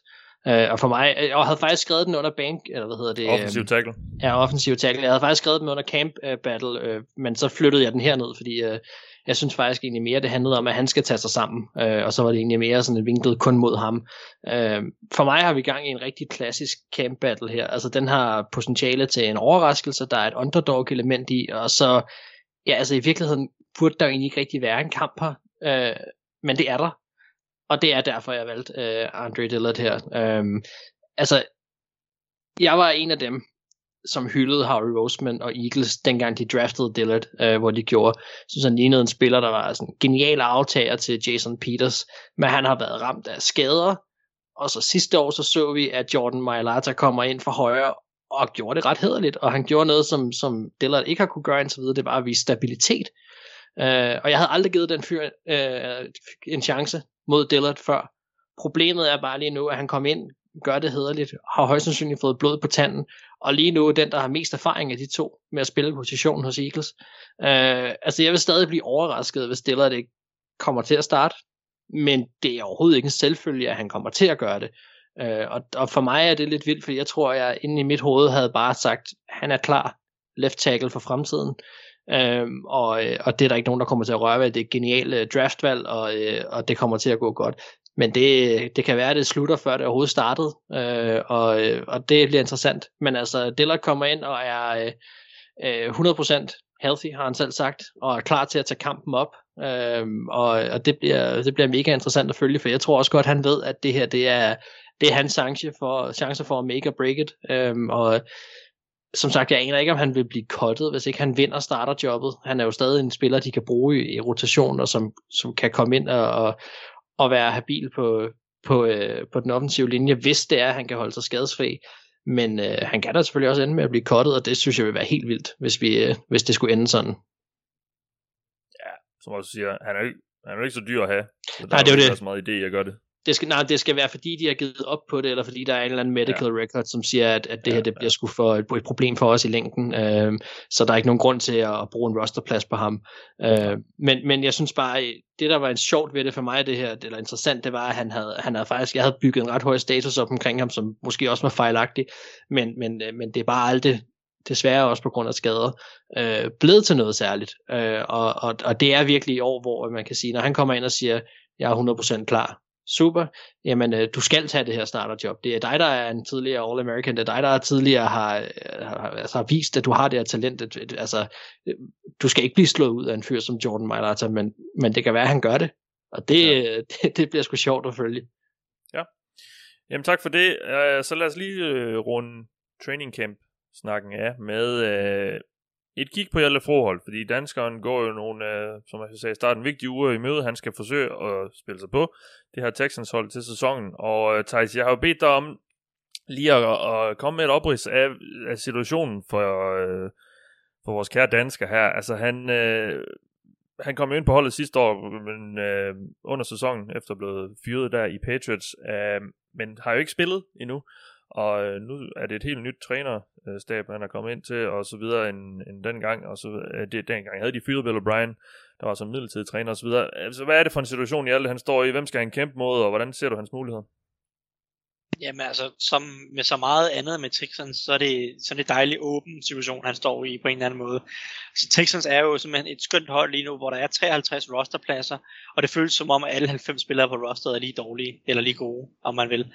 Øh, der er selvfølgelig nogle spillere, som, som ikke kan cutte, så det kan vi også komme ind på. Men altså, det er egentlig ret åbent, og der er mange spørgsmålstegn. Også især på den offensive linje. Hvis vi sådan lige går lidt igennem det, så kan man sige, de har selvfølgelig et par spillere på Texans offensive linje, som nærmest er garanteret en starterplads. Og det er ikke mindst Larry Tunsil på venstre tackle. Han kommer til at starte. Og så er det Titus Howard, øh, deres første rundevalg fra 2000 og øh, skal tænke om 19 draften. Han kommer til at starte enten på højre tackle eller højre guard så er resten egentlig åbent derfra. Fordi det mest sandsynlige er jo nok, at Justin Britt kommer ind og spiller center formentlig, øh, starter der, og så er det jo Marcus Cannon, som de har hentet ind i en trade for Patriots, skal jo nok spille enten højre guard eller højre tackle, lidt afhængig af, hvor man føler, at Titus Howard er bedst, eller hvor, altså den bedste konstellation af, af, af, af hvad hedder han, øh, Cannon, Marcus Cannon og Titus Howard. Mm. Øh, jeg vil tro, at de, de står for højre siden, i hvert fald som Texans gerne vil have det. Og så vil jeg tro, at der på venstre guard er en konkurrence mellem Max Sharping og Lane Taylor. Det er ligesom de seks største navne på den offensive linje, synes jeg, som Texans har. Og dem forventer jeg vil være på rosteret, øh, når camp starter, eller når, når sæsonen starter. Øh, medmindre der opstår skader. Altså man kan også sige, at Justin Britt har jo ikke spillet siden 2019, hvor han blev alvorligt skadet. Han spillede slet ikke sidste år, var ikke på kontrakt nogen steder. Og Marcus Cannon har også skadet og blevet opereret i offseason og misser store dele af training camp. Så der er jo simpelthen muligheder for, at, at nogle af de her spillere starter sæsonen på pop, eller der er også nogle af dem her, der er så gamle, i hvert fald Marcus Cannon, at han måske kunne stoppe karrieren, hvis der kommer komplikationer med hans skade. men altså, lad mig sige det sådan, at jeg synes, de seks spillere som udgangspunkt burde være sikre på rosteret. Mm. Så er det spørgsmålet, så skal de jo også have en backup tackle. Det er jo heller ikke Hjalte, så man kan sige, den vinder Roderick Johnson eller Charlie Heck nok. Og så er der syv mand, der ligesom er sikre der. Og så er det den 8. plads, fordi næsten alle hold bærer 9 eller 8 eller 9 offensive linjefolk på deres roster. Og det er den 8. plads, som Hjalte han skal ind og kæmpe med, øh, som jeg ser det. Og der synes jeg, at, at det er fuldstændig åbent. Øh, der er en Justin McCray, som har været først hos Packers og siden hos Browns og, og Falcons. Øh, han spillede, jeg mener, 100 snaps sidste år for, nu skal jeg også ikke på, var det, det kan jeg faktisk ikke jeg tror det var Falcons, og det gik ret dårligt. Øh, han spillede, ja det var Falcons, spillede, spillede, spillede dårligt, og han, har, altså, han virker ikke som, han er, han er ikke nogen ged, lad os bare sige sådan. Og han har også været i ligaen nu i snart fem år, så det er også sådan lidt det der med, hvad er hans potentiale egentlig. Det virker sådan lidt, han, han virker ikke som om, han bliver så meget bedre. Så er det jo så Frohold, der skal kæmpe her, og så er der også en Cole Toner, som havde 300 snaps for Chargers sidste år, øh, som, som han skal ind og konkurrere med. Men som jeg ser det, så er det anyone's game, og det kan også være, at de hiver en guard ind fra free agency, øh, en guard eller en center ind for free agency og prøver at forbedre konkurrencen lidt mere. Fordi den der 8. plads, offensiv linjeplads på Texans roster, er ret, sidder ret løst, som jeg ser det. Øhm, hvad Hjaltes chancer er specifikt, det tror jeg er op til Hjalte selv. Som han også selv sagde øh, i det interview, du lavede med ham, øh, han skal jo selv bare ind og spille godt. Altså han har jo ikke, øh, ja. det er jo, grunden til at han ikke er på et roster, det er jo ikke fordi han, han ikke har talentet. Det er fordi han ikke har haft niveauet endnu. Han har ikke, mm. han har ikke fundet, han fandt sig ikke til rette, især i anden sæson hos Patriots. Øh, og det var så det, der betød, at de først ikke rigtig turde spille ham, og så da han kom ind og spillede lidt, så gjorde han det ikke så godt, og så endte han med at blive cuttet og så videre. Altså han skal jo sætte ind og løfte sit niveau. Øh, og hvis han gør det, så har han jo de fysiske forudsætninger for, at han sagtens kan være altså backup, eller, øh, eller måske endda bedre i, i ligaen. Men det kræver jo, at han selv går ind og løfter sit niveau. Og det er jo det, han siger, at i, altså, især i pass protection, som han sagde til dig, han har prøvet at være inde og finde en, øh, en større stabilitet, især i pass protection og i hans teknik i kastespillet. Og det var der brug for sidste år. Det var alt for usikkert og svingende. Øh, men altså, jeg tror, der kommer til at være mange snaps til ham i preseason. Øh, nu er der nogle preseason kampe i over tre stykker. Øh, og med øh, Justin Britt, der er 31, Marcus Cannon, der er på pop, Øh, Lane Taylor er også på pop. Han rev jo korsbåndet over sidste år. Han har jo faktisk været skadet, alvorligt skadet de sidste to år. Så der er selvfølgelig heller ikke noget garanteret for ham. Han har bare tidligere været tre år i starter for Packers øh, mellem 2016 og 2018. Øh, så, så han burde have niveauet, hvis ellers han er kommet sig oven på sine skader. Og hvis han ikke er, så, så er der selvfølgelig en plads mere at slås om ikke? Øh, på det her. Så det er jo sådan, der er meget usikkerhed omkring rigtig mange af de her spillere på den her Texans ja. offensiv linje. Ligesom resten af Texans roster, kan man sige. Ikke? Ja. Og det er jo sådan, og det er jo også sådan, Texans lidt er gået til det. De er jo gået til det ved at bare hive en masse spillere ind, som, altså, som nærmest er lige gode, fordi at så holder vi sgu åbne konkurrencer om nærmest alle pladserne, ikke? fordi mm. de har ikke ret mange stjerner, de har ikke ret mange etablerede navne. Så der er, altså, det er den, der kommer ind og griber chancen, der får pladserne på det her Texans roster. Og det kan man jo sige, det er jo positivt for en type som, som forhold, der, der prøver at netop altså, skal have lov til at gribe chancen. Ikke? Mm. Øhm, så nu må, vi jo, nu må vi jo lidt se på det, men altså, jeg tror, der kommer til at være mange snaps til ham, og det kan man sige, det er positivt, ikke? så kan vi jo se, om, om han ser fornuftig ud i preseason i hvert fald.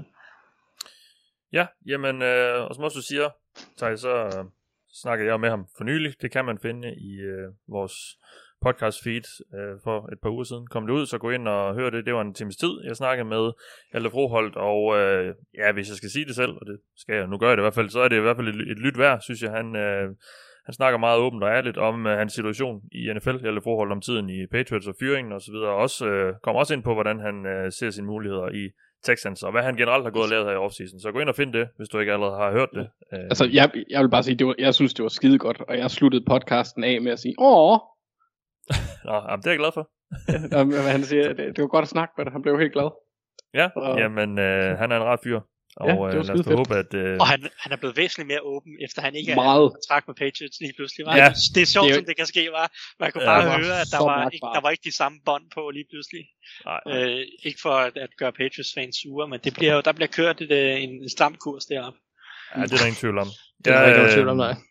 Nej, så gå ind og, og find det. Som sagt, hvis du ikke allerede har gjort det, så kan du høre lidt fra den eneste dansker, vi jo har i NFL for tiden. Nå, lad os skifte spor, øh, fordi at øh, nu har vi snakket om øh, training camp, og øh, jeg vil gerne snakke lidt her øh, om, hvilke spillere, der måske i år kan, øh, kan få der store gennembrud.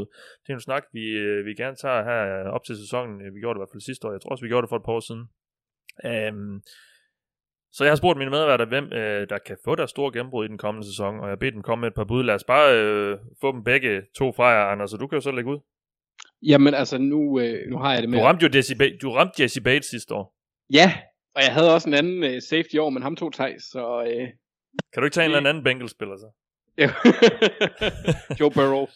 Øh, det kommer til at ske. Øhm, nej, jeg har, jeg har valgt øh, Noah Fant fra Broncos som øh, min ja. offensiv breakout-spiller. Fordi jeg ser lidt ham som have værktøjerne til at komme op og slås med Mark Andrews om at være den fjerde bedste tight end i NFL. Og jeg kunne godt se ham gå op og få altså en 1000 yard sæson. Vil, vil være flot til ham. Hvem er den tredje bedste? Darren Waller. Åh oh, ja, okay, selvfølgelig. Ja. Ja, så uh, Kelsey øh, Kelsey, hvad hedder, Kittle og Waller Kittle, ja. er min top 3. Øh, ikke nødvendigvis i den rækkefølge. Jeg kan ikke rigtig placere de to første. Men, men han har bare, altså han har værktøjerne til at gå hen og blive, blive en, en top tight end. Og jeg tror, øh, meget af det afhænger jo selvfølgelig også af, hvem der kaster bolden til ham. Men, men som spiller, jeg tror egentlig nok, han skal få sit i uanset hvem. Men hvis han skal nå helt op, så hjælper det jo selvfølgelig også, at der er godt quarterback-spil. Mm. Men jeg tror, at, øh, at han bliver en af de mere interessante våben på et, et relativt stærkt angreb.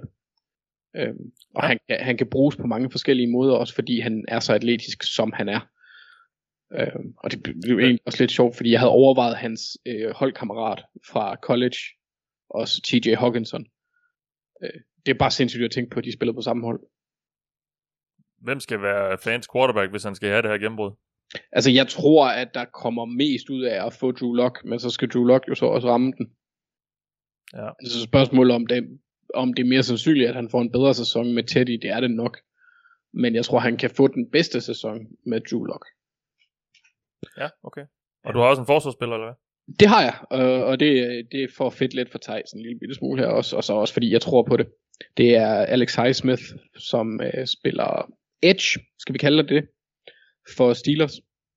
Og han skal øjensynligt, det går jeg i hvert fald ud fra, nu har Steelers godt nok signet med Melvin Ingram, men jeg går ud fra, at de giver Alex Highsmith nogle, altså den væsentligste del af de snaps på den anden side af TJ Watt.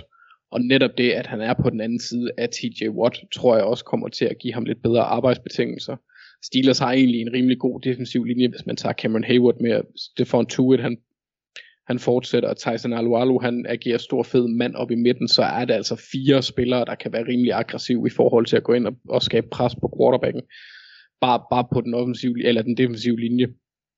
Og så tror jeg det, at han spiller modsat. Ja, TJ Watt gør rigtig meget. Så jeg tror, han kan gå ind og få en, en rigtig god sæson. Altså en virkelig god sæson. Jeg tror egentlig ikke, at Steelers som sådan, selvom de gjorde det sidste år, kommer til at mærke øh, Bud Dupree's farvel i, i så høj en grad. Så, så jeg tror, jeg tror på, på Alex Highsmith, og nu har jeg også lidt en forkærlighed fra, for, øh, for de spillere, der kommer fra Charlotte øh, College'et, øh, som er ret ungt, som kun har eksisteret siden 2013, men de spiller alligevel NFL-spillere ud på NFL-spillere ud, og det synes jeg er pissefedt. Så ja. jeg tror, han kommer til at gøre det godt. Spændende. Jamen, øh, Mark, nu skal vi høre fra dig, og jeg har jo lagt mærke til hen over offseason, at du har jo ikke holdt dig tilbage med lige at smide F. Smith ind i diverse samtaler. Du er så ikke færdig, kan jeg se. Ja, det er altså over et år siden, at han begyndte på det. Nej, ja, præcis. Vil du gerne have, at vi starter der, eller hvad? Jamen, lad os bare gøre det. Okay, jamen, det kan vi godt. Øh, ja, nå, jeg, jeg valgte jo Smith uh, tight end også. Øh, I jeg, jeg gjorde, Ja, jeg, faktisk, jeg, jeg gjorde det sådan set fordi, at øh, jeg synes, at vi har fat i en spiller, hvor mange af ingredienserne til at være en potentiel breakout-spiller er til stede. Øh, det handler bare om at gribe chancen. Og, og en af de ting, som starter, synes jeg, for at man kommer i, i betragtning til sådan noget, det er selvfølgelig klart, at man skal have noget talent, men du kan også blive sat i scene til det. Øh, og Carl Rudolph, som har siddet på tronen, tight end tronen hos Vikings i mange år, han er væk øh, og Irv Smith går ind i sit tredje år i NFL. Det er godt, øh, som tight end, der lige har haft, have et par, par år øh, under banen, øh, fordi det er jo sådan, det er en svær position at komme ind i øh, for college, så det kan jeg godt lide også.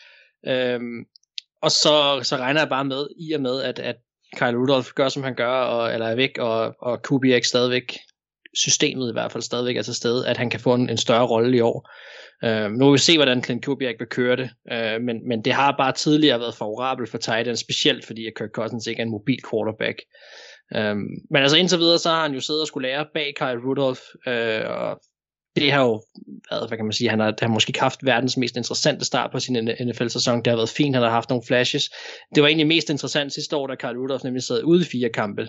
For der så vi, hvad han kunne gå ind og bidrage med. De fire kampe, han var ude, der gav han næsten for 200 yards og tre touchdowns, og vi så, hvordan han blev brugt i mismatches, også på ydersiden. Og det er noget, der er interessant for mig. Jeg er virkelig spændt på, hvordan de har tænkt sig at bruge ham, når nu han for alvor får chancen for at være, hvad skal man sige, første banan øh, på holdet. Øh, det, der kan holde ham tilbage, det er, at Vikings er glade for den anden tight end, der hedder Tyler Conklin, som har nogle af de samme kvaliteter som ham, bare ikke på samme niveau. Øh, de er ret komplette i deres spil, begge to. De kan blokere øh, både for løb og kast. De kan strække banen og nærmest agere wide receivers. Jeg tror bare på, at Smiths loft er noget højere. Øh, og hvis, øh, problemet kan være, hvis Kubiak insisterer på at køre mange two-sets, hvor at, øh, at Conklin også skal være en del af det. Men, men altså, Irv Smith han er 22 år, mega atletisk, kan agere mismatch øh, på ydersiden også, øh, og så, så er jeg helt sikker på, at Kirk Cousins kommer til at finde hans vej rigtig mange gange, fordi han, han har også brug for sine safety blankets. Øhm, og når Carl Rudolph er væk til ikke at æde de der 10 touchdowns, eller meget der er, han tager om året, så, øh, så tror jeg, at Smith er klar nu øh, til at komme ind som en ny, ung tight end, øh, der har nogle af de kvaliteter, vi også gerne vil se hos, øh, hos moderne NFL tight end. Modtaget. Jamen, øh, vi er mange, der er spændt på CF Smith. Ikke mindst dig, tror jeg. Det skal, det skal I være. Ja. Det bliver du, har også en, du har også en forsvarsspiller for NFC North. Med. Ja, nu, ja, er præcis. Nu tænker jeg, at det vil være meget fedt at, at gå angreb og forsvar, som Thijs snakkede om tidligere. Øhm, ja, det er rigtigt. Det er faktisk også NFC North. Øh, men det er en spiller, jeg egentlig holder ret meget af også. Uh, Jalen Johnson, cornerback i Bears. Uh, han kom ind og imponerede sidste år. Jeg husker det også, som om vi alle sammen egentlig var ret sådan generelt begejstrede for ham i draften. Og specielt også det, at uh, at Bears, på trods af, at de ikke havde et første rundevalg det år, snuppede ham i anden runde. Altså det, det svarer nærmest til at have haft et første rundevalg, jo, så det var jo det var super genialt. Øhm, men altså han kom ind sidste år, var den første rookie i 25 år, som starter på cornerback for Bears. Øh, og han ender i den kamp mod Lions med at lave det afgørende spil mod Marvin Jones, øh, og gør de snupper årets første kamp. Og jeg synes faktisk, at gennem resten af sæsonen derfra, der viste han, at han var lærernem, Altså han forstod NFL-angreb. Men ironisk nok, så var det altså i hans opdækning også på ydersiden i man coverage, at han faktisk viste ret imponerende takter. Ikke så meget zone, som var det, som øh, man kan sige, at han trives i college. Øh, så, så det er jo sjovt, der blev byttet rundt på det. Samtidig så viser det bare for mig, at der, at der er jo enormt meget værdi i at have en spiller, som kan i man coverage mod nogle af de her NFL-receiver, og ikke blive brændt. Så, så jeg synes jo faktisk, det er positivt, at vi ser, at han går ind og viser, at det kan han fordi jeg stoler på, at han nok skal kunne lægge det her zone på. Det kan være, at der var lidt øh, øh rookie-nervøsitet, eller han var bange for at lave nogle fejl, spillede måske lidt konservativt osv. Altså han skal ind og ballhawke øh, i zone. Det bliver interessant at se. Det tror jeg sagtens, han kan. Øhm, men i år, og igen, det var lidt det samme med Irv Smith, det der med, at der er en spiller, der forsvinder, og så kommer man i en ny position. Jalen Johnson er også cornerback i år. Han går i hvert fald ind med muligheden om at være det. Øh, og der ligger for mig muligheden i at bryde for alvor igennem, fordi cornerback i NFL, det er en playmaker-position, som får rigtig meget opmærksomhed. Og, og det er jo noget af det, der også er med til at spille ind på at sige, jamen, altså, for mit vedkommende til at sige, at han kan få det, vi vil kalde et, et gennembrud. Øh, fordi han kommer til at stå over for spillere i år som OBJ, øh, til Adams, Mike Evans, Godwin, DeAndre Hopkins, Justin Jefferson, øh, DK Metcalf, Tyler Lockett og sådan noget. Det er altså nogle af de der receiver, han skal dække op løbet af året, og det er i sådan nogle kampe, eller i sådan nogle interne matches, at ens navn bliver skabt. Det er også der, man kan tabe fuldstændig alt, øh, og, og man kan man sige, det der med at blive en gennembrudsspiller kan blive skudt til jorden igen, og han kan ende med at være gennemsnitlig. Men der skal altså nogle ting til. Man skal kunne spille op med de her spillere, man kan komme ind, man skal kunne komme ind og lave nogle afgørende spil. Og jeg synes, at når jeg kigger på Bears schedule, så er der rigeligt med muligheder for, at han kan gå ind og slå sit navn fast, eller gå ind og lave nogle store spil, som kan hype ham, at være med til at gøre ham til en, øh, en gennembrudsspiller i år. Øh. Det er klart, det er et sats, fordi det, de kan også bare tørre banen med ham, øh, men det tror jeg ikke, de kommer til. Jeg tror, at han kommer til at gå ind i år og vise, at han er at han skulle have været taget i første runde, og at han, øh, at han er en reel øh, cornerback 1 i, øh, i NFL. Øh, og det, det har han rigeligt med chancer for at bevise i år. Så alt er lagt i støbeskeen. Nu skal han bare gribe den chance, der er foran ham. Yes, tak for det, Mark. Et par breakout-kandidater for dig, Thijs. Jeg kan se, at du, øh, du også kigger på defensive backs i NFC North. Det gør jeg i hvert fald. Og jeg har, øh, jeg kigger mod Packers, fordi at, øh, jeg er jo en renowned, øh, renowned Packer, Packers hater. Øh, Anti-cheesehead. Anti-cheesehead, nej. Øh, jeg, kan jo, jeg kan jo godt lide Darnell Savage. Jeg synes jo, han var, han var sjov i college øh, hos Maryland øh, Packers safetyen her. De endte jo med at tage ham i første runde. Øh, men jeg synes jo ikke rigtigt, at han er blevet brugt til, til sit fulde potentiale endnu. Jeg synes jo, at han alt for meget hos Mike Patton var låst i en lidt passiv, lidt for øh, tilbagetrukken, bare, du leger bare dyb safety det meste af tiden, hvis du står tilbage i din cover 2 zone, og så, så er det fint nok med Savage. Det er selvfølgelig ikke helt sandt, selvfølgelig bliver han også på forskelligt, men jeg tror, der er meget større potentiale nu, hvor han kommer ind i det her øh, Joe Barry system, øh, hvad hedder det, som, som jeg antager Joe Barry tager med fra, fra, fra Rams af, øh, eller hvad skal jeg sige, fra, fra Brandon Staley af, hvor at, at safetiesne bliver brugt ret alsidigt, og der, der, der er flere nuancer i coverages, der er bare meget alsidige coverages, og jeg regner egentlig med, at, at Savage kunne komme ned og arbejde lidt i en John Johnson-rolle, hvor han både får lov til at arbejde dybt selvfølgelig, øh, hvor, han, hvor han har god range, han er jo en super hurtig type, men han også kommer op og leger lidt mere i boksen, kommer op og leger lidt mere med at dække tight ends op, kommer op og leger lidt mere med at øh, med måske også at blitse, hvor han hvor han har jo exceptionel fart, og det var noget af det, der var så sjovt at se ham i college, fordi ikke nok med, at han var hurtig og fin i college og bevægede sig godt og, og nogle ting, men han kom jo også bare nogle gange flyvende frem, fordi han er jo exceptionelt hurtig, en af, en af ligaens hurtigste safeties, hurtigste safeties. Så jeg glæder mig rigtig meget til, jeg synes jo allerede, det skal jo siges, jeg synes jo allerede, han er en dygtig safety. Jeg synes allerede, han er en, en rigtig habil og solid safety. Jeg tror, han kan tage springet i år op til at være en top 5 safety i ligaen, top 3 safety i ligaen i en mere alsidig rolle, hvor man bruger lidt mere af hans fysiske talent, fordi det er bare meget få safeties, der egentlig har øh, den pakke, som Savage kommer med. Og jeg glæder mig til en defensiv koordinator, der er, tror jeg, lidt mere i angrebsmodus, hvor Mike Patton var meget sådan, jeg synes, det var meget øh, passivt, altså hans forsvar.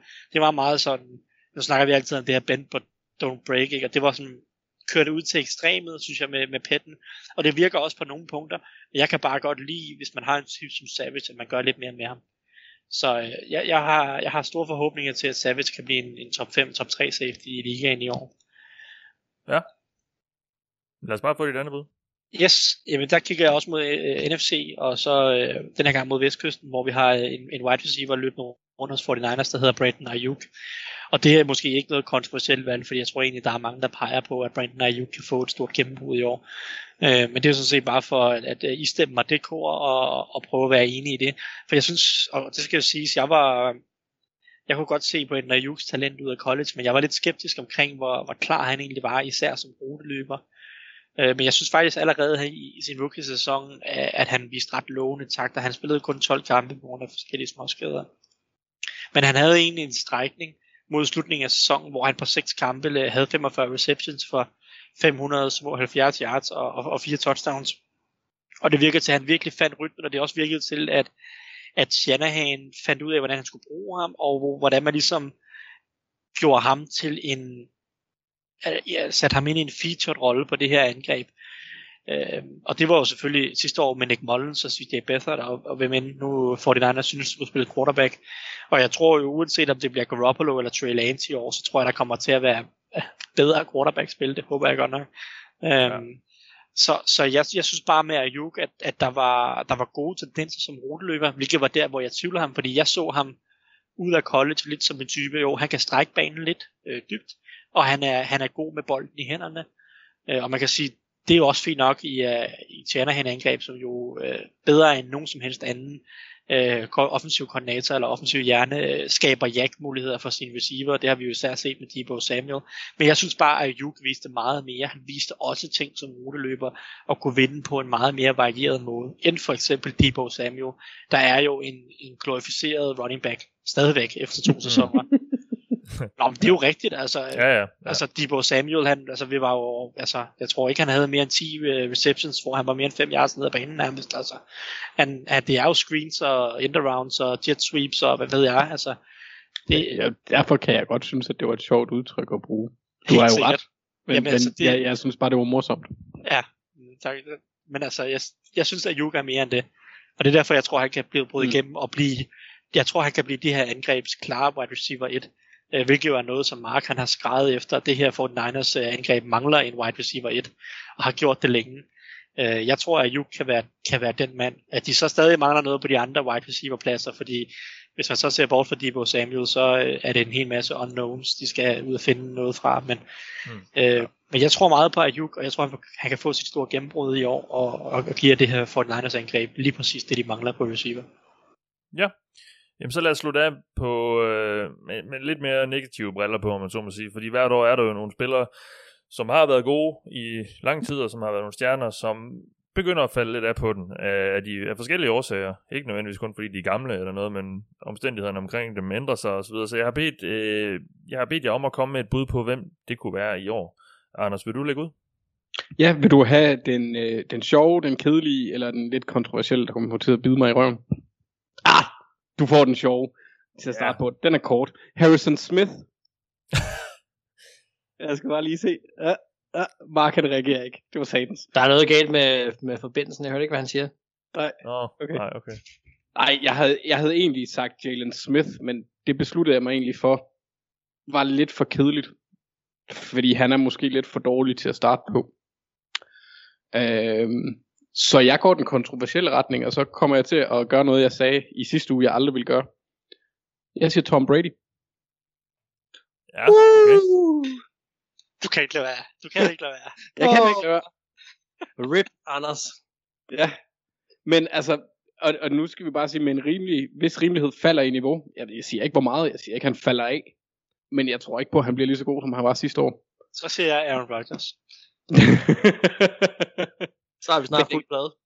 Men jeg kunne godt forestille mig, at, øh, at det kommer til at, at gå lidt nedad. Øhm, fordi sidste ja. sæson var rigtig god. Han havde 65,7 i completion percentage, 4600 yards, 40 touchdowns og 12 interceptions. Altså, Det var jo en en- sæson oveni. det var en vanvittig god sæson. Han var ikke god i playoffs. Det var han ikke.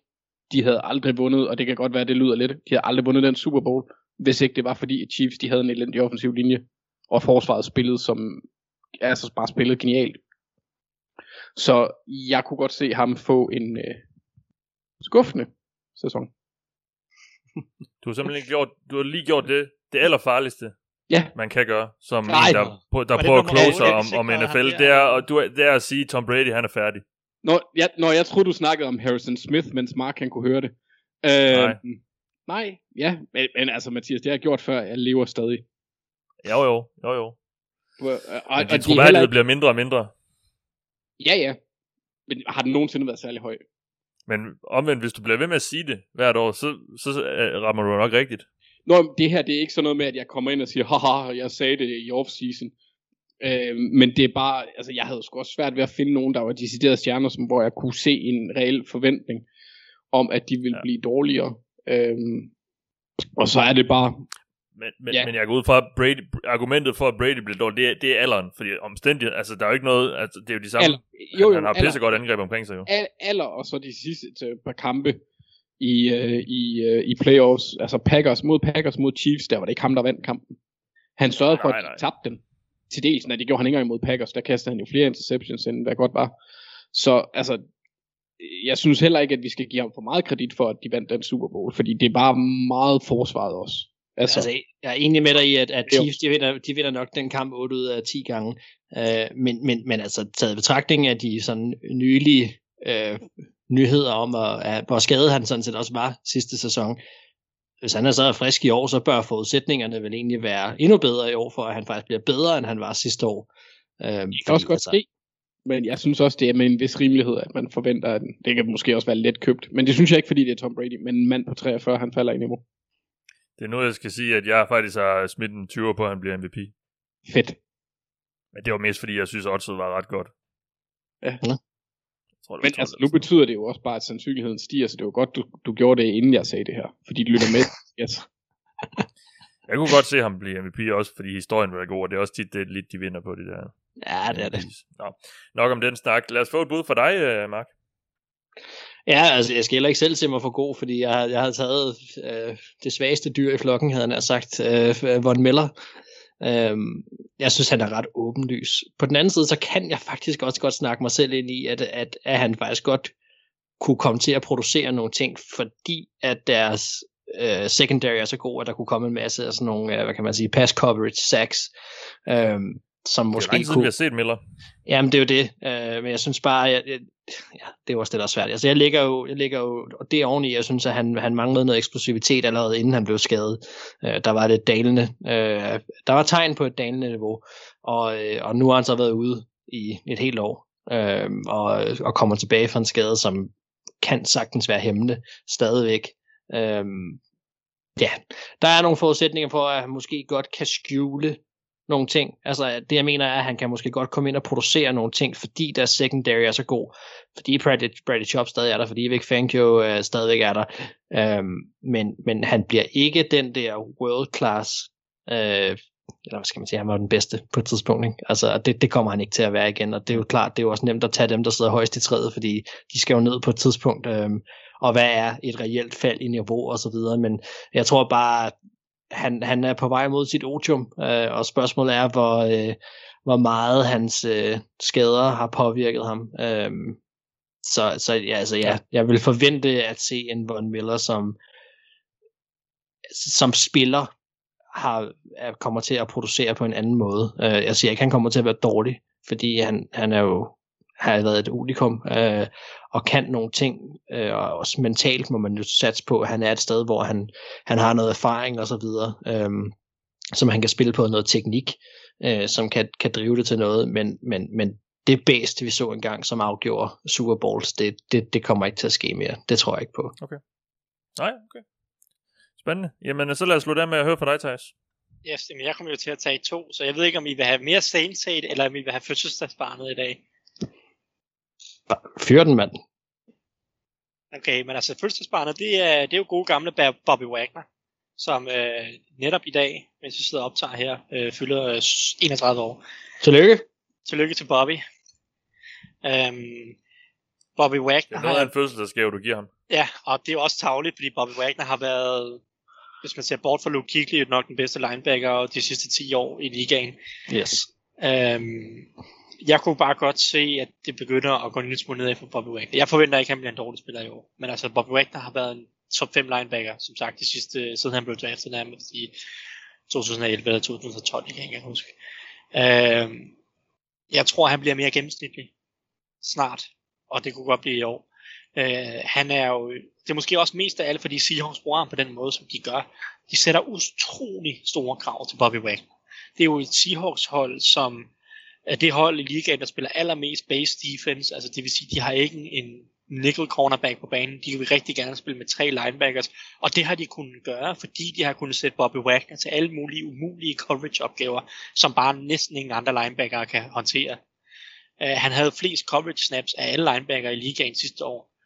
Uh, og uh, jeg synes, at sidste år kunne man godt se, at det nogle gange ikke altid gik lige så godt, som det havde måske gjort for to eller tre år siden. Øh, han var stadig god, Bobby Wagner sidste år, og han var i stedet måske bedre også end i løbespillet og som, som blitzer, end han har været nogle af de andre år. Og man kan sige, at Seahawks de indså det måske også en lille smule, fordi de begyndte at blitze mere med ham sidste år, end de har gjort tidligere. Og han havde nogle, nogle, nogle han har flere pressures, end tror jeg, end han har haft i alle sæsoner, og, og nogle sacks og så videre. Men jeg synes bare, at den måde, som Seahawks bruger ham på, kombineret med hans alder, kan godt komme til at give ham nogle problemer nu, fordi jeg synes, det virker som om, han har tabt et lille skridt. Og hvis ikke Seahawks ændrer deres filosofi, så kommer han til at få nogle opgaver, som jeg ikke er sikker på, at han helt kan løse på samme måde, som han kunne for tre år siden. Mm. Øhm, så, så jeg tror, at Bobby Wagner kunne godt få en lidt mere gennemsnitlig sæson. Og det kunne godt være det første år i rigtig, rigtig, rigtig mange år, hvor han ikke har været All-Pro-worthy. Eller Pro-Bowl-worthy. Altså, vil sige, det taler jo fantastisk ind i den der uh, crash and burn teori, du havde om, om Pete Carroll og hele Seahawks ting, fordi jeg, jeg tør slet ikke se det her hold, hvis, hvis Bobby Wagner falder drastisk i niveau. Altså, det bliver ikke særlig kønt. Det tror jeg simpelthen ikke på. Han er så vigtig for dem. Altså, Jamen det, det er godt, du siger det. Det, det, det er jo ligesom, det er også, min anden spiller er også ligesom den der crash and burn filosofi, jeg kører lidt på, på Saints i år også. Fordi jeg er også lidt i tvivl om, Cameron Jordan kan holde til niveau. Det kan jeg godt lidt kortere, men jeg synes jo også bare sidste år, at han, jeg synes der var perioder altså, af sæsonen, og perioder af kampene, hvor han, han ikke lignede sit dominerende jeg øh, på en eller anden måde. Og han er også, han er så 32 år gammel, ikke? Øhm, så der er også noget alder, det er også mest alder, han har været rigtig, rigtig dygtig i rigtig mange år, og også været undervurderet i mange sæsoner. Øh, man kunne også have taget Mario Davis, hvis vi rigtig skal lege Saints hater her. Men, øh, men altså, jeg tror Bobby Wagner er mit bud, fordi det er også et lidt modigt bud, fordi han har været så umanerligt dygtig i mange år, og jeg håber, han bliver ved med at være dygtig, fordi han har egentlig øh, været en Hall of Fame-worthy øh, linebacker. Ja. Du, du, du lagde ud med at sige, om, om, om vi vil have mere Saints hate. Altså, du, du, du synes ikke også, du er efter Seahawks? Jo, en lille smule, men jeg prøvede ligesom at tale deres uh, pass rush gruppe. Jeg prøvede at skabe noget, der skal komme noget derfra. -agtigt. Jeg, kan, ja, ja. jeg kan godt tage fejl, hvis de bliver bedre. -agtigt. Så jeg ja. prøvede også at trække en lille smule den anden vej. Ja, okay. Det var det, vi havde på programmet i denne omgang. Vi, øh, vi vender snart tilbage med endnu mere fodboldsnak, fordi nu begynder det at nærme sig, man kan nærmest ja, lugte savsmuld, var jeg lige ved at sige. Det giver ikke så meget mening, fordi der er ikke savsmuld på en NFL-bane. Men man kan nærmest uh, lugte det nyslåede græs og uh, fornemme, at der snart sker noget uh, i NFL. De begynder nu at træne sådan for alvor, og uh, så kommer der også snart nogle preseason kampe, og efter det selvfølgelig regular season. Vi kommer til at, at være der hele vejen med et ugenligt program, og øh, det vil sige også i næste uge, hvor vi vender tilbage med endnu mere fodboldsnak. Øh, I den omgang, der har du lyttet til mig. Jeg hedder Mathias Sørensen, med mig i aften. Anders Kaltoft, Thijs Joranger og Mark Skafte Våbengård. Lyttes ved.